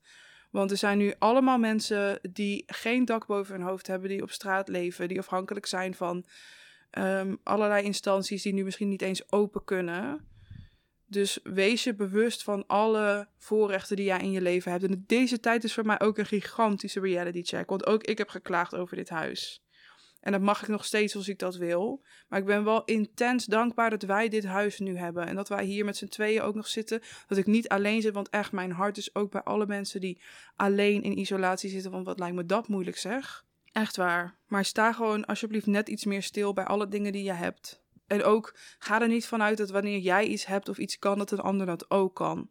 Want ehm, dat jij bijvoorbeeld vanuit huis jouw werk kan doen, wil niet zeggen dat een collega dat ook kan, ook al is het hetzelfde werk. Ik heb het nu natuurlijk over privileges en ik merk ook dat heel veel mensen ook, ehm, wat ze waarschijnlijk helemaal niet doorhebben, maar redelijk problematisch kunnen praten over wat dit coronavirus en deze tijd voor hen betekent. En laat me vooropstellen, je mag voelen wat je voelt. Je mag ervaren wat je ervaart. Maar als er dingen worden gedeeld als... Ik ga het heel even opzoeken. Randy wil Oh ja, ik, zeggen. ik, ik, maar, ik denk dat dit de aarde is die ons een waarschuwing geeft. We zijn te ver gegaan. En dit moeten we ons allemaal realiseren. Schrijf ik op mijn Instagram pagina. Terwijl ook voor deze post gigantisch veel data gebruikt wordt. Terwijl deze post ook gigantisch slecht voor het milieu is. ja. Maar daar sta ik met mijn bevooroordeelde rotkop niet bij stil. Ja, er zijn gewoon heel veel mensen die ik nu ehm, zie schrijven. Bijvoorbeeld, oh ja, het moest zo zijn. Of ja, dit is eh, eh, de, de eh, wat is het nou, de straf van het universum. Het universum is niemand aan het straffen. En het is ook heel leuk om te lezen. Stel je eigen nou eens voor dat je beste vriend, of een van je goede vrienden van vroeger, op, Insta, op Instagram komt nadat hij zijn vader net naar de IC heeft gebracht. Ja. En die leest dan zulke achterlijke onzin die Ja. jij op je fucking pagina aan het posten bent. Ja. Ik hoop echt, ik hoop van harte dat hij nadat, de, nadat het coronavirus over is, vriendschap met jou verbreekt. Of je op zijn minst een blauw oog slaat. Want dit Ja, kan dit- echt niet. echt, dit het fucking Dru- gedrag. Het druipt zoveel privilege vanaf om dat soort dingen te kunnen zeggen. Echt waar. Of allemaal van die mensen die nu doen alsof gezondheid maakbaar is. Er worden fucking anti-COVID-19 essentiële oliën verkocht. Omdat die je zouden beschermen, alsjeblieft zeg. Maar ook allemaal van die eh woezie woezie eh, law of attraction-achtige aluminiumhoedjes shite die er wordt gedeeld. Sorry mensen die helemaal voor de law of attraction zijn. ehm, maar de, het Waar, is waar gewoon... is dat? Oké, sorry, misschien oplaat, weten mensen dit helemaal niet. dat Ik wil nou- st- Nee. Ik wil nou niet meteen iedereen bashen die of wel bezig is met spiritualiteit, of gelooft in de kracht van edelstenen, of in de Law of Attraction gelooft. Maar heel kort gezegd, de Law of Attraction gelooft dat als jij de goede dingen vibreert, de goede gedachten vibreert, dat dat ook naar je terugkomt. Dus zolang je maar bijvoorbeeld positief blijft denken, dat dat ook allemaal naar je terugkomt. En dat wat je dus overkomt wat negatief is, dat het ook eigenlijk je eigen schuld is.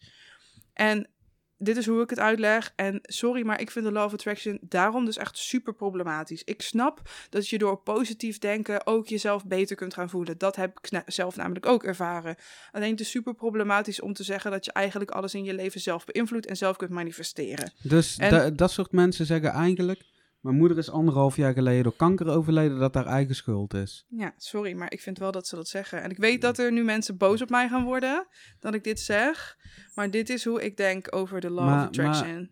Dat, soort- dat soort mensen heb ik dus ook wel eens in mijn lijst gehad. En die heb ik eruit geflikkerd. Hmm. Want dat zijn dezelfde mensen die bijvoorbeeld op ge- welke vorm van georganiseerde religie dan ook... wel echt gigantisch hard aan het bestje zijn. Terwijl ze zelf precies hetzelfde doen. Ja. Maar ja, moeten we zulke mensen eigenlijk, want we hebben het er nou over, moeten we hun verder nog enige vorm van aandacht besteden? Nee, maar ik wil gewoon alleen wel even zeggen. Ik heb hier bijvoorbeeld een print screen voor mijn neus. waarin iemand zegt. eh, het heeft over manifesteren. En die zegt. eh, say after me: Ik ben gezond en blijf gezond. En zo it is. Sorry. Maar dit is zo validistisch om te zeggen. Dit kan je gewoon niet zeggen. Ik wil mezelf ook heel graag gezond manifesteren. Dat wil ik heel graag doen, maar dat gaat gewoon niet. Weet je hoe hard je mensen hiermee basht? Je kunt dit toch niet zeggen? Manifesteer jezelf gezond. Zullen we gewoon maar meteen het hele medische systeem ontmantelen, aangezien dat niet nodig is, of maar gewoon heel hard manifesteren? En ik weet dat er een heleboel mensen zijn met hele goede bedoelingen die de of Attraction op een heel andere manier gebruiken en zien, maar dit is zo problematisch. En iedereen die zoiets durft te zeggen als, ja, corona is zo'n mooie tijd, het geeft me zoveel inzichten en het is een cadeautje aan ons. check your fucking privilege. Want er liggen nu gewoon mensen dood te gaan. Denk aan die mensen die nu op de grens van Griekenland en waar dan fucking ook, die in, uh, in soort van, mag ik het concentratiekampen noemen, uh, zitten. Uh, vluchtelingen, denk aan de mensen die in arme gebieden leven. Denk aan de mensen die in een heel hoog risico lopen. Denk aan de mensen die zichzelf niet kunnen beschermen. Besef denk je, aan die familie van jouw vrienden die misschien nog met het virus te ja, maken gaan krijgen. En ook besef je dat het feit dat jij um, deze coronacrisis kunt zien als een cadeau, een belachelijk groot voorrecht is. En ga jezelf alsjeblieft een beetje inlezen in het leed in de wereld. Want sorry. Ga je gewoon kapot schamen. Dat allereerst. Ga je maar ga... fucking kapot schamen. Ja, maar oké, maar ik wil ook altijd de deur open houden voor mensen om te leren. Want er zijn ook heel veel mensen die hierover delen die gewoon echt geen idee hebben. En die gewoon echt geen idee hebben hoe problematisch dit is. Ja, en maar ik wil die deur niet meteen voor hen dichtgooien. die deur hoeft ook niet dicht. Ze kunnen zich gewoon eventjes gaan schamen. Want zijn dit dan mensen die nooit iets in hun leven mee Ja, maar dat snap ik dus niet. Want iedereen kent wel iemand die, die, die gewoon met zware geestelijke problemen te maken heeft gehad. Iedereen kent wel iemand die in een rolstoel zit. Iedereen kent wel iemand die op wat voor manier dan ook. ja, maar mensen eh, beperkt nemen... Maar hoe kun je nou zeggen, stel, ik word dadelijk op straat aangereden, ik kan nooit van mijn leven meer lopen. En ik lees zoiets van, denk positief, je, je Ja. bent beter, je bent beter, je bent beter. Maar dwarslezen gaat niet in één keer weg. Ja. ja, maar ik denk dat heel veel mensen dingen pas aannemen als ze het zelf hebben ervaren. En dat is het jammere. Ja, En ik heb dat misschien op sommige momenten ook wel. Ik ben ook niet feilloos. nee, je hoeft ook niet feilloos te zijn, maar probeer je in ieder geval in te leven. Ja, Want als je zo in het leven staat van, ik heb het zelf niet ervaren, dus eh, het zal er ook wel niet zijn. Nou, ik, eh, ik ben wit. Ik, eh, ik heb geen donkere huidskleur, dus ik weet niet hoe het is om eh, racistisch eh, bejegend te worden. Moet ik dan ook maar doen alsof het, ja alsof niet het niet bestaat, Moet ik dan op, ook maar doen alsof het, alsof het niet kan? Moet ik dan ook bijvoorbeeld eh dat interview, waar- of dat is het artikel waar ik had gelezen, waarin werd geschreven dat donkere mensen met hartklachten, die, die nu bij een huisarts komen, Niet geloofd worden, niet geloofd ja. worden? Moet ik, daar dan, moet ik daar dan ook maar negeren, terwijl die nu dood liggen te gaan op een. IC? Nee, ik, Ja. We ik- moeten gewoon... Hey, maar ik, door, ik, sorry. ik, wens, ik wens ze heel veel wijsheid, maar ik hoop echt oprecht dat ze zich heel erg gaan schamen. Ja, En ook ik heb stomme dingen gedaan in mijn leven. tuurlijk, en ik heb me daar ook. gigantisch voor geschaamd ook. Maar dat heeft me wel een beter mens gemaakt. Dus ik hoop Ja, gewoon dat het schamen zich, dat ze zich gaan schamen en dat, eh, dat ze er ook een beter mens Ja. van worden. Ja, en dat je ook weet dat er, nadat je gewoon heel hard hebt geschaamd, en ook terwijl je schaamt, gewoon nog wel een plek voor je is als je wil leren. Tuurlijk we leren er. allemaal iedere dag. Maar ik denk dat we heel goed moeten beseffen dat als je op deze aarde leeft, dat het gewoon je morele plicht is om je een beetje druk te maken, of in ieder geval in te lezen over anderen. En de enige manier waarop we dit kunnen is door dit samen te doen. We gaan dit niet redden als we allemaal alleen maar voor onszelf strijden. Dat gaat gewoon niet. En natuurlijk, weet je, selfcare is super belangrijk. Het is super belangrijk om er voor jezelf te zijn. Maar we moeten ook niet ehm, vervallen in ons compleet afsluiten voor anderen, omdat we het niet aankunnen en daarmee de hele wereld meteen buitensluiten. En ik heb daar soms ook een neiging toe, maar dat mogen we gewoon niet laten gebeuren. We moeten elkaar toelaten. En ja, dan moet je het doseren en je moet voor jezelf bepalen wanneer je het toe kunt laten. Maar wees er alsjeblieft voor elkaar en geloof elkaar. Ja, gelo- geloof elkaar. En net, net, net zoals maar alles geldt ook, je kan altijd, je, je kan altijd fouten maken. Ook als je, als je al wel eh, behoorlijk goed ingelezen bent of je hebt naar mensen geluisterd. Je kan een verkeerde opmerking plaatsen. Maar zorg dan een keer dat je zegt van... Oh, sorry dat ik je gekwetst heb. Sorry, zo Ja. had ik het niet bedoeld. In plaats van dat je dan ook jezelf gaat verdedigen. Iedereen mag fouten maken. Absoluut. Maar probeer iemands gevoel niet te monopoliseren. Ja, dat. En, probeer- ook jij kunt niet voor iemand bepalen of diegene gekwetst is. Ik kan alleen wel voor, eh, voor een ander bepalen dat een opmerking zoals de, wat je net zei, van als je maar positief blijft, dan blijf je wel gezond, dat daar echt absoluut niet deugt. Nee. Want ik zou, ik word er vooral kwa- kwaad over, omdat ik dan denk aan mijn moeder, of aan mijn gehandicapte Ja. nichtje, of aan al die mensen die in mijn familie zijn overleden. Al die kennis, eh, noem het allemaal maar op. Maar Dat kan echt niet, dat kan echt niet. Dit is zo fucking kwalijk. Ja, dat is Maar zullen heel we, erg er, zullen we kwalijk. erover ophouden? Ja. Ik word er echt heel erg kwaad Ik van. ook. ik ook heel erg. Maar ik wil het nog heel even hebben over dat corona geen excuus is om een fucking racist te zijn. Nee. Eigenlijk, eh, eigenlijk zijn er weinig dingen eh, een excuus om een fucking racist te zijn. Nou, dat is gewoon geen. Ja. Ja, daar heb jij gewoon een punt. Ja, toch? Want Hm. ik, ehm, ja, ik zie het zelf natuurlijk weinig gebeuren omdat ik wit ben en niet bijvoorbeeld Aziatisch of eh, ik heb geen donkere huidskleur. Dus ik maak zelf die vormen van racisme niet mee. Maar ik zie echt helaas zoveel berichtgeving over Aziatisch uitziende mensen die eh, lastig worden gevallen, in elkaar worden geslagen, worden bedreigd. Waar stront aan de muren wordt Ja. gesmeerd in een flat. Het is echt te verschrikkelijk voor woorden. Ik denk het enige voordeel tussen haakjes, en ik maak echt heel grote haakjes naar mijn hoofd heen, is dat het corona en de aanloop naar het coronavirus ook gewoon een heel stuk racisme eh, jegens Aziatische mensen in Nederland heeft. Absoluut. Eh, ik, ik zal gewoon wel eens een paar, een paar dingen nadoen, ook gewoon op z'n Brabants die ik langs heb horen komen vroeger. Ja, die, eh die zwerten, daar vertrouw ik allemaal maar niet. En ja, die, die, die, die Turken, daar moet je ook mee uitkijken. Ze moeten allemaal zo zijn als die Aziaten, weet je, als die Chinezen. Die komen hier naartoe, die werken tenminste met z'n allen, die onderhouden hun eigen familie. Daar hebben nooit geen last van. Echt, dat is, Dat al- letterlijk wat al, alle immigranten hier doen. Dat is echt serieus. Het deugt van geen kant wat die mensen zeiden. Nee. Ook, eh, ook naar die Aziatische mensen toe is dat gewoon een fucking vorm van racisme. Ja, Maar ze werden, ze werden in ieder geval door een hele groep van die idiote minkukels werden ze nog met rust gelaten. ja. Want die werden ja gezien maar als dan de was er mensen wel... Die, die wel werkten, maar dan was het ondertussen wel Ja. van, oh, die praten minder goed Nederlands. Ja, eh, Dan krijg je allemaal van die als- dingen als, oh ja, doe maar sambal bij. Oh, heeft je moeder Ja. lumpia's meegenomen? Ja, of, eh, of bijvoorbeeld, heel goed bedoeld, maar daar, st- daar, daar, st- daar stonden ze aan een lumpia Doe mij maar Porsche.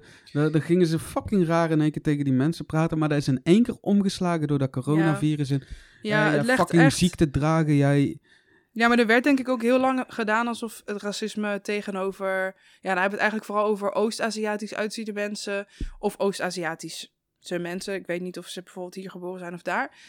Ehm, werd altijd gedaan alsof dat wel meeviel. Want het was toch een grapje van, ah, sambal bij, grappig. En dan kwam die ene dude kwam, weer langs. kwam, je- ko- ja, ja, oh. bij Ik hou van Holland. Of dan kwam Oeshi, en- eh, en Van Dijk. Of wat eh, denk je van Gordon als ze toen die gast eh, zijn liedje stond te zingen in die talentenshow van... eh, ja, doe maar nummer 43 met samballen bij. Ja, leuk Gordon, je bent heel grappig. Maar er werd altijd gedaan alsof dat niet erg was. Alsof het zo, zo een beetje zo knuffelracisme was of zo. Maar het is gewoon echt niet oké. En het lijkt wel alsof mensen nu pas inzien hoe erg dat is. Want nu, als mensen in elkaar worden geslagen, dan pas is het ineens erg. Ja, en nu, nu wil ik overigens ook heel veel die zure veganist gaan spelen. Want het was in één keer racisme. Want die Chinezen, die vreten alles wat los en vast zit. Oh, Ze eten letterlijk alles. Eh, het deugt niet. Ze, ze, ja, ze vreten alles wat kruipt. Dus eh, de corona, Ja. corona is daar ontstaan. de Maar- camera zoomt uit. en- Maar aan de andere kant hebben wij hier in Nederland bijvoorbeeld gigantische stallen staan. ja, Met heel veel varkens, heel veel koeien en noem het allemaal maar op. Die ook zomaar in de toekomst verantwoordelijk zouden kunnen zijn ja, voor een soortgelijk virus. ja, Daar heeft, ik weet niet, volgens mij heb ik het in het AD gelezen. Daar heeft een Nederlandse viroloog voor gewaarschuwd. Wij zullen echt op een andere manier moeten, ons eten moeten gaan consumeren dan dat we dat op dit moment doen. Daarin riep hij overigens ook op dat niet iedereen vegetarisch hoefde te worden, maar dat we het gewoon op een totaal andere manier moesten invliegen. ja, ik zou nu. dat natuurlijk wel graag zien, maar toch. Ja, maar ik hou het nou bij de feiten Ja, wat, die, ja. wat die man zei, zeg maar. Eh, ja. Het moet gewoon op een andere manier, want hier kan ook zo'n virus ontstaan. En wij kunnen wel allemaal racistisch met het vingertje gaan wijzen naar het Ja. grote kwade Azië. Maar het is misschien ook iets dat in de Nederlandse volkscultuur ligt. Want wij wijzen heel graag Ja, met heel graag vingertjes met vingers bijvoorbeeld naar die Duitsers. Want dat kon echt niet wat, eh, wat die Duitsers in de Tweede Wereldoorlog hebben gedaan. Terwijl er volgens mij geen één land in de Tweede Wereldoorlog is geweest waar zoveel Joden zijn verraden als in Nederland. Ja. Maar ook wij zouden de bron kunnen zijn waar het virus ontstaat. Ja, Houd daar rekening mee. En ook besef je voor hoeveel dingen wij afhankelijk zijn van landen als China. We zijn heel makkelijk in het veroordelen van mensen. Ja, terwijl wij ook. net een zo goed een- onderdeel van het probleem zijn. Ja, Als wij onze shit bij AliExpress blijven bestellen, bij wijze van spreken, zijn we ook onderdeel van, van het. ja dat eh, bedoel ik. Dus onthoud dat als je, weer, als je het weer in je ongelooflijk domme, rare rothoofd haalt om een of andere racistische opmerking naar, eh, ja, naar iemand uit Azië te maken. Onthoud sowieso ook in dat ongelooflijk rare rothoofd dat je sowieso geen racistische opmerkingen naar wie dan ook maakt. Want het maakt jou geen beter mens. Het maakt, nee, jou, absoluut. het zijn maakt, jou, geval goed te praten. het maakt jou gewoon een despicable person. Ja, dat sowieso. En ik zit echt heel erg mijn best te doen. Ik zie Lisa ook lachen om vooral niet mijn grote Brabantse muil open te trekken. En echt het ene scheldwoord na het andere de, ja, dan de, moet ik zoveel eten- zetten. Wij. de eter in te slingeren. Maar, eh, Nee, je mag wel gewoon schelden, maar ik heb het over validistisch taalgebruik en dat soort Oh dingen. nee, ik heb het niet eens over validistisch taalgebruik. Ik heb het gewoon over mijn eigen smerige rotmond die ik er dan wel eens op na als ik zulke mensen wil, eh, wil beschrijven zoals... Dus dat ga ik niet doen. Maar op aanvraag kan ik wel een keer een scheldkanonade houden voor jullie. Ik ben benieuwd of er nog vragen naar komen. Ja.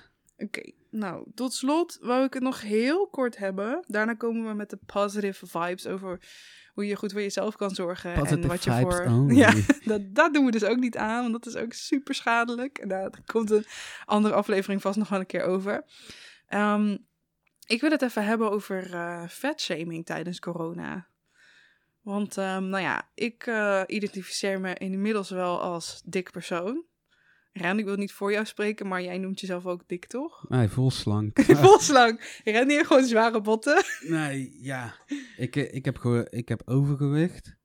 Nu zie je heel vaak mensen met overgewicht, met zwaar overgewicht, zijn een veel groter, lopen veel meer risico tijdens deze coronacrisis. Shit, daar begint je hart al een beetje te bonzen. Eh virussen, eh, virussen die, die, die manifesteren zich op een andere manier in je lichaam. Je hart begint nog harder te bonzen. En er komen nog tal van dat soort dingen eh, worden, worden verder verteld. En dan zeggen ze daarna heel mooi. Van ja, maar je moet nou niet in één keer gaan sporten en heel erg proberen af te vallen. Want dat is ook slecht voor je. Dus, je dus ik kan me voorstellen dat sommige mensen heel erg fucking gek worden voor al die berichtgeving hieromtrent. Nou vind ik wel dat die er mag zijn, want je mag ook gewoon zeggen... Het mag benoemd worden mag dat mensen... ja, als je, als je overgewicht hebt, loop je veel meer risico. Hou dat in je achterhoofd. Je hebt op sommige, sommige lichamelijke klachten heb je meer kans op. Maar, ja, dat is gewoon een feit. maar dan, hebben, dan gaan we het ook weer over cijfertjes hebben. De meeste mensen, eh, als ik Jort Kelder in ieder geval mag geloven, en die spreekt natuurlijk alleen de waarheid Ja, met zijn klopt. Mooie Burberry sokjes en zijn driedelig pak en zijn zijden stropdasje. Hm. Die, die zegt, ja, we moeten dan kijken of dat eh, die eh, oude dikkertjes eh, op de IC, wat die nou daadwerkelijk waar zijn. Dus ik vraag me eigen af, natuurlijk, ik loop meer risico omdat ik overgewicht heb, maar de combinatie van te zwaar zijn en, en, en oud zijn is blijkbaar een veel groter risico. Waarom wordt die nuance niet gemaakt? Want ik weet nou niet of dat bijvoorbeeld, ik, ik noem maar iets, ik ken die cijfers niet, of dat bijvoorbeeld, ik noem maar iets, 15% van de jongeren heeft overgewicht. Lopen die allemaal veel meer risico?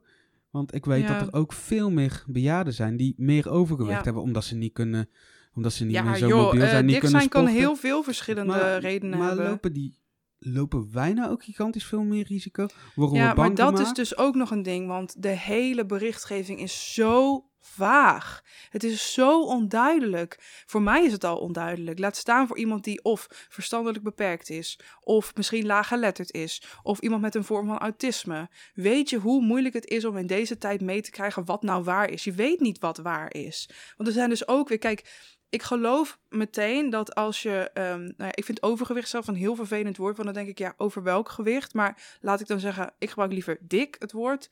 Als je te dik bent, dat je dan meer kans loopt, omdat bijvoorbeeld je borstkas zwaarder is. Oké, nee, tuurlijk, neem ik meteen aan. Er zijn ook weer allerlei ehm, onderzoeken die zeggen dat vetcellen juist beschermen. En ik geloof meteen dat de mensen die bijvoorbeeld op de IC liggen, dat die grotendeels ehm, ouder zijn en overgewicht hebben. Want dat is dan gewoon zo.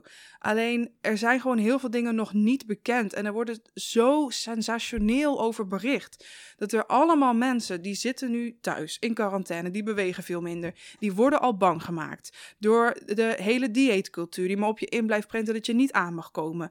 De- Oh, door het- alle. Ma- mag ik even Ja? één ding zeggen? Want je hebt het over dieetcultuur. Het nog een eh, klein bijkomend voordeel van deze coronacrisis is dat die industrie nu zo'n Ja. fucking pakketjes om je, om je beachbody eh, te, te, te kunnen behouden, Ja. niet kunnen verkopen. Stik er lekker in in je fucking beachbody. Nou, die kunnen ze dus wel, ze ver- verzinnen gewoon wat anders. Want dat wilde ik dus zeggen.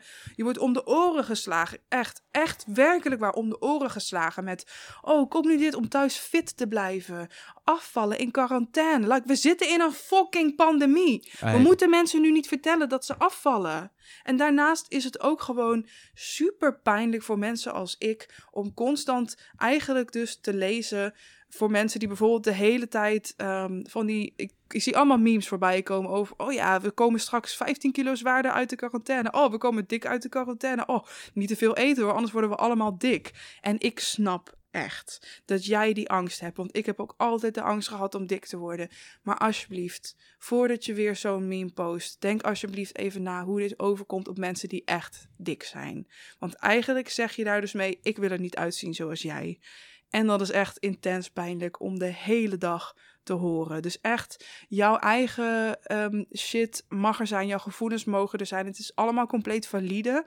Maar denk alsjeblieft na over hoe je bepaalde dingen uit en ook tegen wie je bepaalde dingen uit. Want het is echt heel erg pijnlijk. Want kijk, of iemand er nou wel of niet iets aan kan doen dat hij dik is, maakt ook helemaal niet uit. En daar zou jij ook geen flikker uit moeten maken, want dat bepaalt iemand nog altijd zelf. Ja, voordat hij dat. lekker in zijn vel Maar er zit. wordt altijd maar gedaan over dikke mensen alsof ze allemaal lui zijn. Ja, ook al ben je lui en dik, dan verdien je nog steeds evenveel respect als iemand die niet lui en dik is. Maar iemand zoals ik, ik sportte altijd kei veel. En dat kan ik nu niet meer. Ja, vind je het gek dat je dik wordt? En ik, het wordt me nu de hele tijd zo ehm, eh, op mijn, zeg maar, mijn neus op de feiten gedrukt van... oh ja, dit kan jij niet meer, hè? En ik wil er niet zo uitzien zoals jij. En ik ben nu super blij met wie ik ben en hoe ik eruit zie. En het is helemaal oké. Ook al leef ik natuurlijk nog steeds met bepaalde problematische gedachten. Want ook ik, als ik in de spiegel kijk, denk ik nog wel eens: oh jezus, ik heb mezelf wel echt laten gaan. Maar dan hoef ik dat niet ook nog helemaal te horen van een. van ja, de hele maatschappij eigenlijk. Fit Girl Jolanda 22. Ja, dat. En deze tijd is gewoon ook, laat ik dat nog even benoemen, ook gewoon echt super moeilijk voor mensen die bijvoorbeeld met eetproblemen zitten.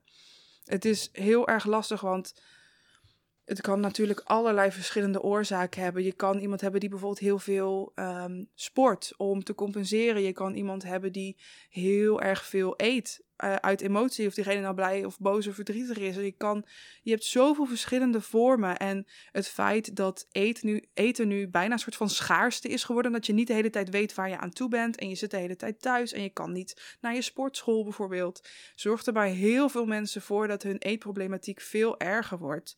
En ja, ik wil die mensen gewoon een kei groot hart onder hun riem steken. Ja, en, en voor die mensen die zelf nooit mee te maken hebben gehad met, eh, ja, met, eh, hoe moet ik het zeggen? Eh, een negatief zelfbeeld of problemen met eten Mhm. of dat ze nu te mager of te dik zijn. Eh, ze, ze zeggen altijd bijvoorbeeld dat dikke mensen, dat die lui zijn of er wordt weinig respect voor opgebracht, want ze hebben geen zelfdiscipline. Nou heb ik jullie respect echt absoluut niet nodig, dus ik spreek niet voor mezelf. Maar hoe kan het zijn dat jullie wel respect en begrip op kunnen brengen voor iemand die een drugsverslaving heeft? Die het overigens even tussen haakjes ook verdient. Want daar zijn ook omstandigheden over eh, voor. Dat iemand verslaafd, is, eh, verslaafd zou kunnen zijn aan drugs, aan roken, aan gokken of wat dan ook. Maar waarom wordt datzelfde begrip niet opgebracht voor, Ja, voor die gezellige Ja. dikkertjes. Het, gaat, het argument wat heel vaak wordt gevoerd al ja, maar het is ongezond en je maakt het er zelf naar.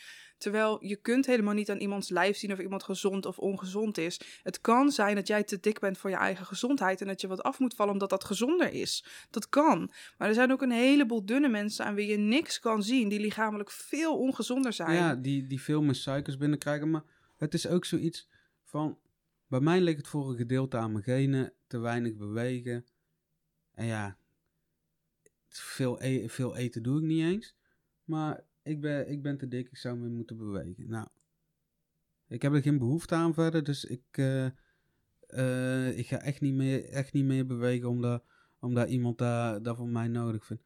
Maar stel je eigen nou ook eens voor dat, eh, ja, dat dat meisje waarvan jij denkt dat daar een lui varken is, gewoon toen ze een jaar of 15 was, misbruikt is door haar oom of weet ik wel dan ook. En daardoor echt als een soort van mechanisme is Ja. gaan eten. Ja. Die ben jij ook aan het, eh, aan het beoordelen en aan het veroordelen. Ja. Er zijn zoveel verschillende redenen waarom iemand dik kan zijn. Maar ook waarom iemand heel dun is. Ja. En ook, weet je, er zijn overal redenen voor. Dus probeer alsjeblieft iets minder te oordelen. En ook iets minder te veroordelen in de dingen die je post. Want er zitten heel vaak heel veel, vaak onbedoelde, maar wel aanwezige veroordelingen in de dingen die wij posten. En dat, dat, dat zal ik ongetwijfeld ook doen. Dus ik roep iedereen op, inclusief mezelf, om daar gewoon nog beter over na te denken. En ja, dan ben je even iets extra bezig. Moet je wat extra moeite doen om te kijken of je shit niet problematisch is. Maar dat is best wel, zeg maar, onze plicht als Ja. aardbewoner. Ja, ik, ik kan me trouwens ook nog, want Lisa en ik hebben er dan mee te maken dat we, dat we overgewicht hebben. Maar ik heb ook ditzelfde, ditzelfde rare gebeuren gezien met mensen die ondergewicht hebben. Mhm. Zoals mijn moeder een heel lange tijd heeft gehad. Die, eh, ik denk nou dat ik praat over een jaar of 10, 12 geleden. Lisa kon ik nog niet, dus die heeft Marina ook nooit op die manier gekend. Marina, die stond stijf van de, eh, van de stress. Er was echt gewoon gigantisch veel wat er speelde. Ze zat niet lekker in de vel. Ze at gewoon op een normale manier. En ik kan je vertellen, eh, mijn moeder die nam meer suikers tot zich dan Lisa en ik samen. Zo, want over onge, ongezond eten gesproken, daar, daar kon ze wel van. Maar die kreeg alleen maar te horen. Ze had trouwens overigens toen ook heel veel last van de knie. Waar ze op he- zeer jonge leeftijd al aan geopereerd eh, is geweest. En die weer versleten was. Dus ze verging ook van de pijn. Nou, er kwamen serieus eh, mensen naar haar toe. Van, eh heb je azijn gezopen of wat? Probeer eens wat, probeer eens wat Oh, vellen. ongevraagde pro- advies probeer eens wat vet aan uw botten te krijgen. Ah. Nou, het laatste waar je op zit te wachten als je al zo diep in de put zit, Ja. is dat er iemand naar je toe kom- eh, komt vragen of je Ja. azijn hebt gezopen. Je durft ook gewoon niet meer naar buiten hoor. Bang voor alle oordelen van iedereen. Ja, en, Alsof je zelf niet weet dat je heel dun bent. en ja, en volgens, volgens mam was het al extra pijnlijk, want die, die heeft eigenlijk heel de leven ook een soort van angst over haar gewicht gehad, omdat ze toen ze op de middelbare school zat of op de basisschool gepest was, omdat ze, omdat ze te dik was, dus die wou nooit aankomen. Die heeft, ze- die heeft zich er zelf nog het jaar voordat ze kwam te overlijden nog druk over gemaakt, omdat Ja. ze aan was gekomen. Daar ja, weet Lisa, door de prednison. Door de, pre, door de prednison. En omdat ze gewoon gigantisch veel ging snoepen. Want ja, je moet toch, je Ja, moet je toch moet iets, iets, als, je, als je heel dagen thuis zit. En je lijf is herstel- herstellende van fucking kanker. Maar het is gewoon treurig als je, als je dat gewoon bij mensen ziet. Dus probeer er ook een klein beetje rekening mee te houden. ja. En echt, er zijn heel veel mensen die wel tegen een grapje kunnen. Ik kan ook tegen een grapje. Maar ik geef, bij, ik geef eerst bij jou aan of dat ik tegen dat grapje ja, kan. dat. Want als, je, als ik jou niet ken en jij, eh, en jij pro- probeert me op een manier te kwetsen om jezelf, eh, eh, om over mijn rug als het ware naar een hoger plateau eh, toe te stappen, dan trap ik dat plateau onder je poten uit en dan scheid ik in je bek. De Randy way. Nee, maar dat is het absoluut. Ik denk wat hierbij ook gewoon helpend is, is... We hoeven het niet over uiterlijk te hebben bij elkaar. Het is gewoon niet nodig. Er zijn zoveel interessante dingen aan iemand die niks te maken hebben met het uiterlijk. Dus alsjeblieft, eh, laat het wat minder over uiterlijk gaan. Het is gewoon niet nodig. Justum. Dank u. Ehm, ja, was dat het? Ik denk dat we wel uitgerend zijn Zo, ja, ik, ik heb zeker nog andere dingen die ik had willen benoemen, maar dat laat ik nu wel Ja, even. Als ze, als, ze, als ze dit gesprek interessant vonden, kunnen we altijd nog een keer iets extra's op gaan nemen. Ja, zeker. Ja, want ik zie al allemaal dingen die ik nog niet heb benoemd. Maar whatever. hey, ik wilde ehm, nog eventjes eh, samen met Randy ehm, wat eh, coronatips geven. Want we worden nogal gek gemaakt met z'n allen. Want ja, nu hebben we natuurlijk alle tijd van de wereld. Dus die, dus die Dus- tijd moet je nuttig Ja, besteden. je mag dus- niet lui op nee. bed gaan liggen, jongens. Want daar, eh, daar heeft de goede gemeente heeft daar natuurlijk wel wat over te zeggen. Je moet productief zijn. Ja, Net zoals dat je in het normale dagelijkse leven bent, jongens en ja want eh, meisjes. dat en, ook echt. Want er wordt van ons verwacht dat op precies dezelfde manier doorgaan. Er is een fucking pandemie gaande. Ik weet het niet hoor. Er, er gaan mensen dood. Oké, nee, dit was het positieve gedeelte, Randy. Dus nu moeten we het positief houden. Oké, wat ik dus allereerst wil zeggen, wat Randy nu al inleidt. Je hoeft niet productief te zijn. Serieus, repeat after me. Ik hoef niet productief te zijn. Het hoeft niet. Je hoeft geen nieuwe talen te leren. Je hoeft geen boek te schrijven. Je hoeft geen uitvinding te doen. Je hoeft geen eh, hobby, nieuwe hobby op te pakken. Ook geen vijf. Je hoeft niet te sporten als je dat niet wil. Mag wel als je dat wel wil. Je, je hoeft het allemaal niet te doen. Alsjeblieft. Give yourself a break. Ja, en dat is eigenlijk het enige wat je zelf moet doen. Geef jezelf een break. Wat, wat mij echt gigantisch, ik weet niet hoe het met jou zit, Lies, maar wat mij echt gigantisch heeft geholpen, deze periode waarin ik nou toch een stuk meer tijd heb, is echt gewoon een stuk ontsnapping zoeken binnen je huiskamer. Ja. Maar ik ben gigantisch veel aan het lezen geslagen, omdat het echt, vooral veel biografieën, wat ik eigenlijk tot voor kort heel lang niet meer gelezen heb, omdat het gewoon heel erg tof is om even een keer in de schoenen van iemand anders door zijn leven heen te lopen en gewoon door zijn ogen te kijken naar de dingen die om eh, zij of haar of eh, zijn of haar eh, omgeving gebeuren, zeg maar. Maar ik kom ook gewoon heel veel, heel veel mooie verhalen tegen. Ik ben nou bezig met een verhaal over Pauline Black, de zangeres van de Selector. Eigenlijk nooit mijn favoriete band geweest. Ook al heb ik altijd heel veel respect voor haar gehad. En is het, was het live echt een te gekke band. Maar geef gewoon zo'n mooi. Of ja, mooi. Ik vind het eigenlijk vooral heel erg disturbing beeld. eh, weg van hoe racistisch Engeland bijvoorbeeld pakweg 50 jaar geleden was. Zowel als eh, 50, hoe oud is zij? eh, Pauline Black is net zo oud als je vader. Die komt volgens mij in 1953. Oh, oké, nee, dan klopt het. Maar die, die werd als, eh, als donker meisje werd ze geboren en is ze afgestaan eh, ter adoptie. Is ze bij een, eh, bij een Engels gezin terechtgekomen. Maar heel dat Engelse gezin had het wel constant over andere zwarte mensen, dat ze niet deugden. En daar heeft ze al die tijd in op moeten, op moeten gooien. Ze kreeg op een gegeven moment politiek bewustzijn en ze wou zich toch als zwart persoon in een kleine gemeenschap uiten. Dus ze is als fucking statement. Ik vind het echt te erg voor woorden dat ik het gebruik. Ze is als statement een afro gaan dragen. Gewoon haar normale haar, Ja, zeg gewoon maar. haar, haar natuurlijke haar. Ik droeg vroeger als statement droeg ik een hanenkam. Waar nou niet natuurlijk is, zeg maar. Maar zij droeg als statement haar normale haar.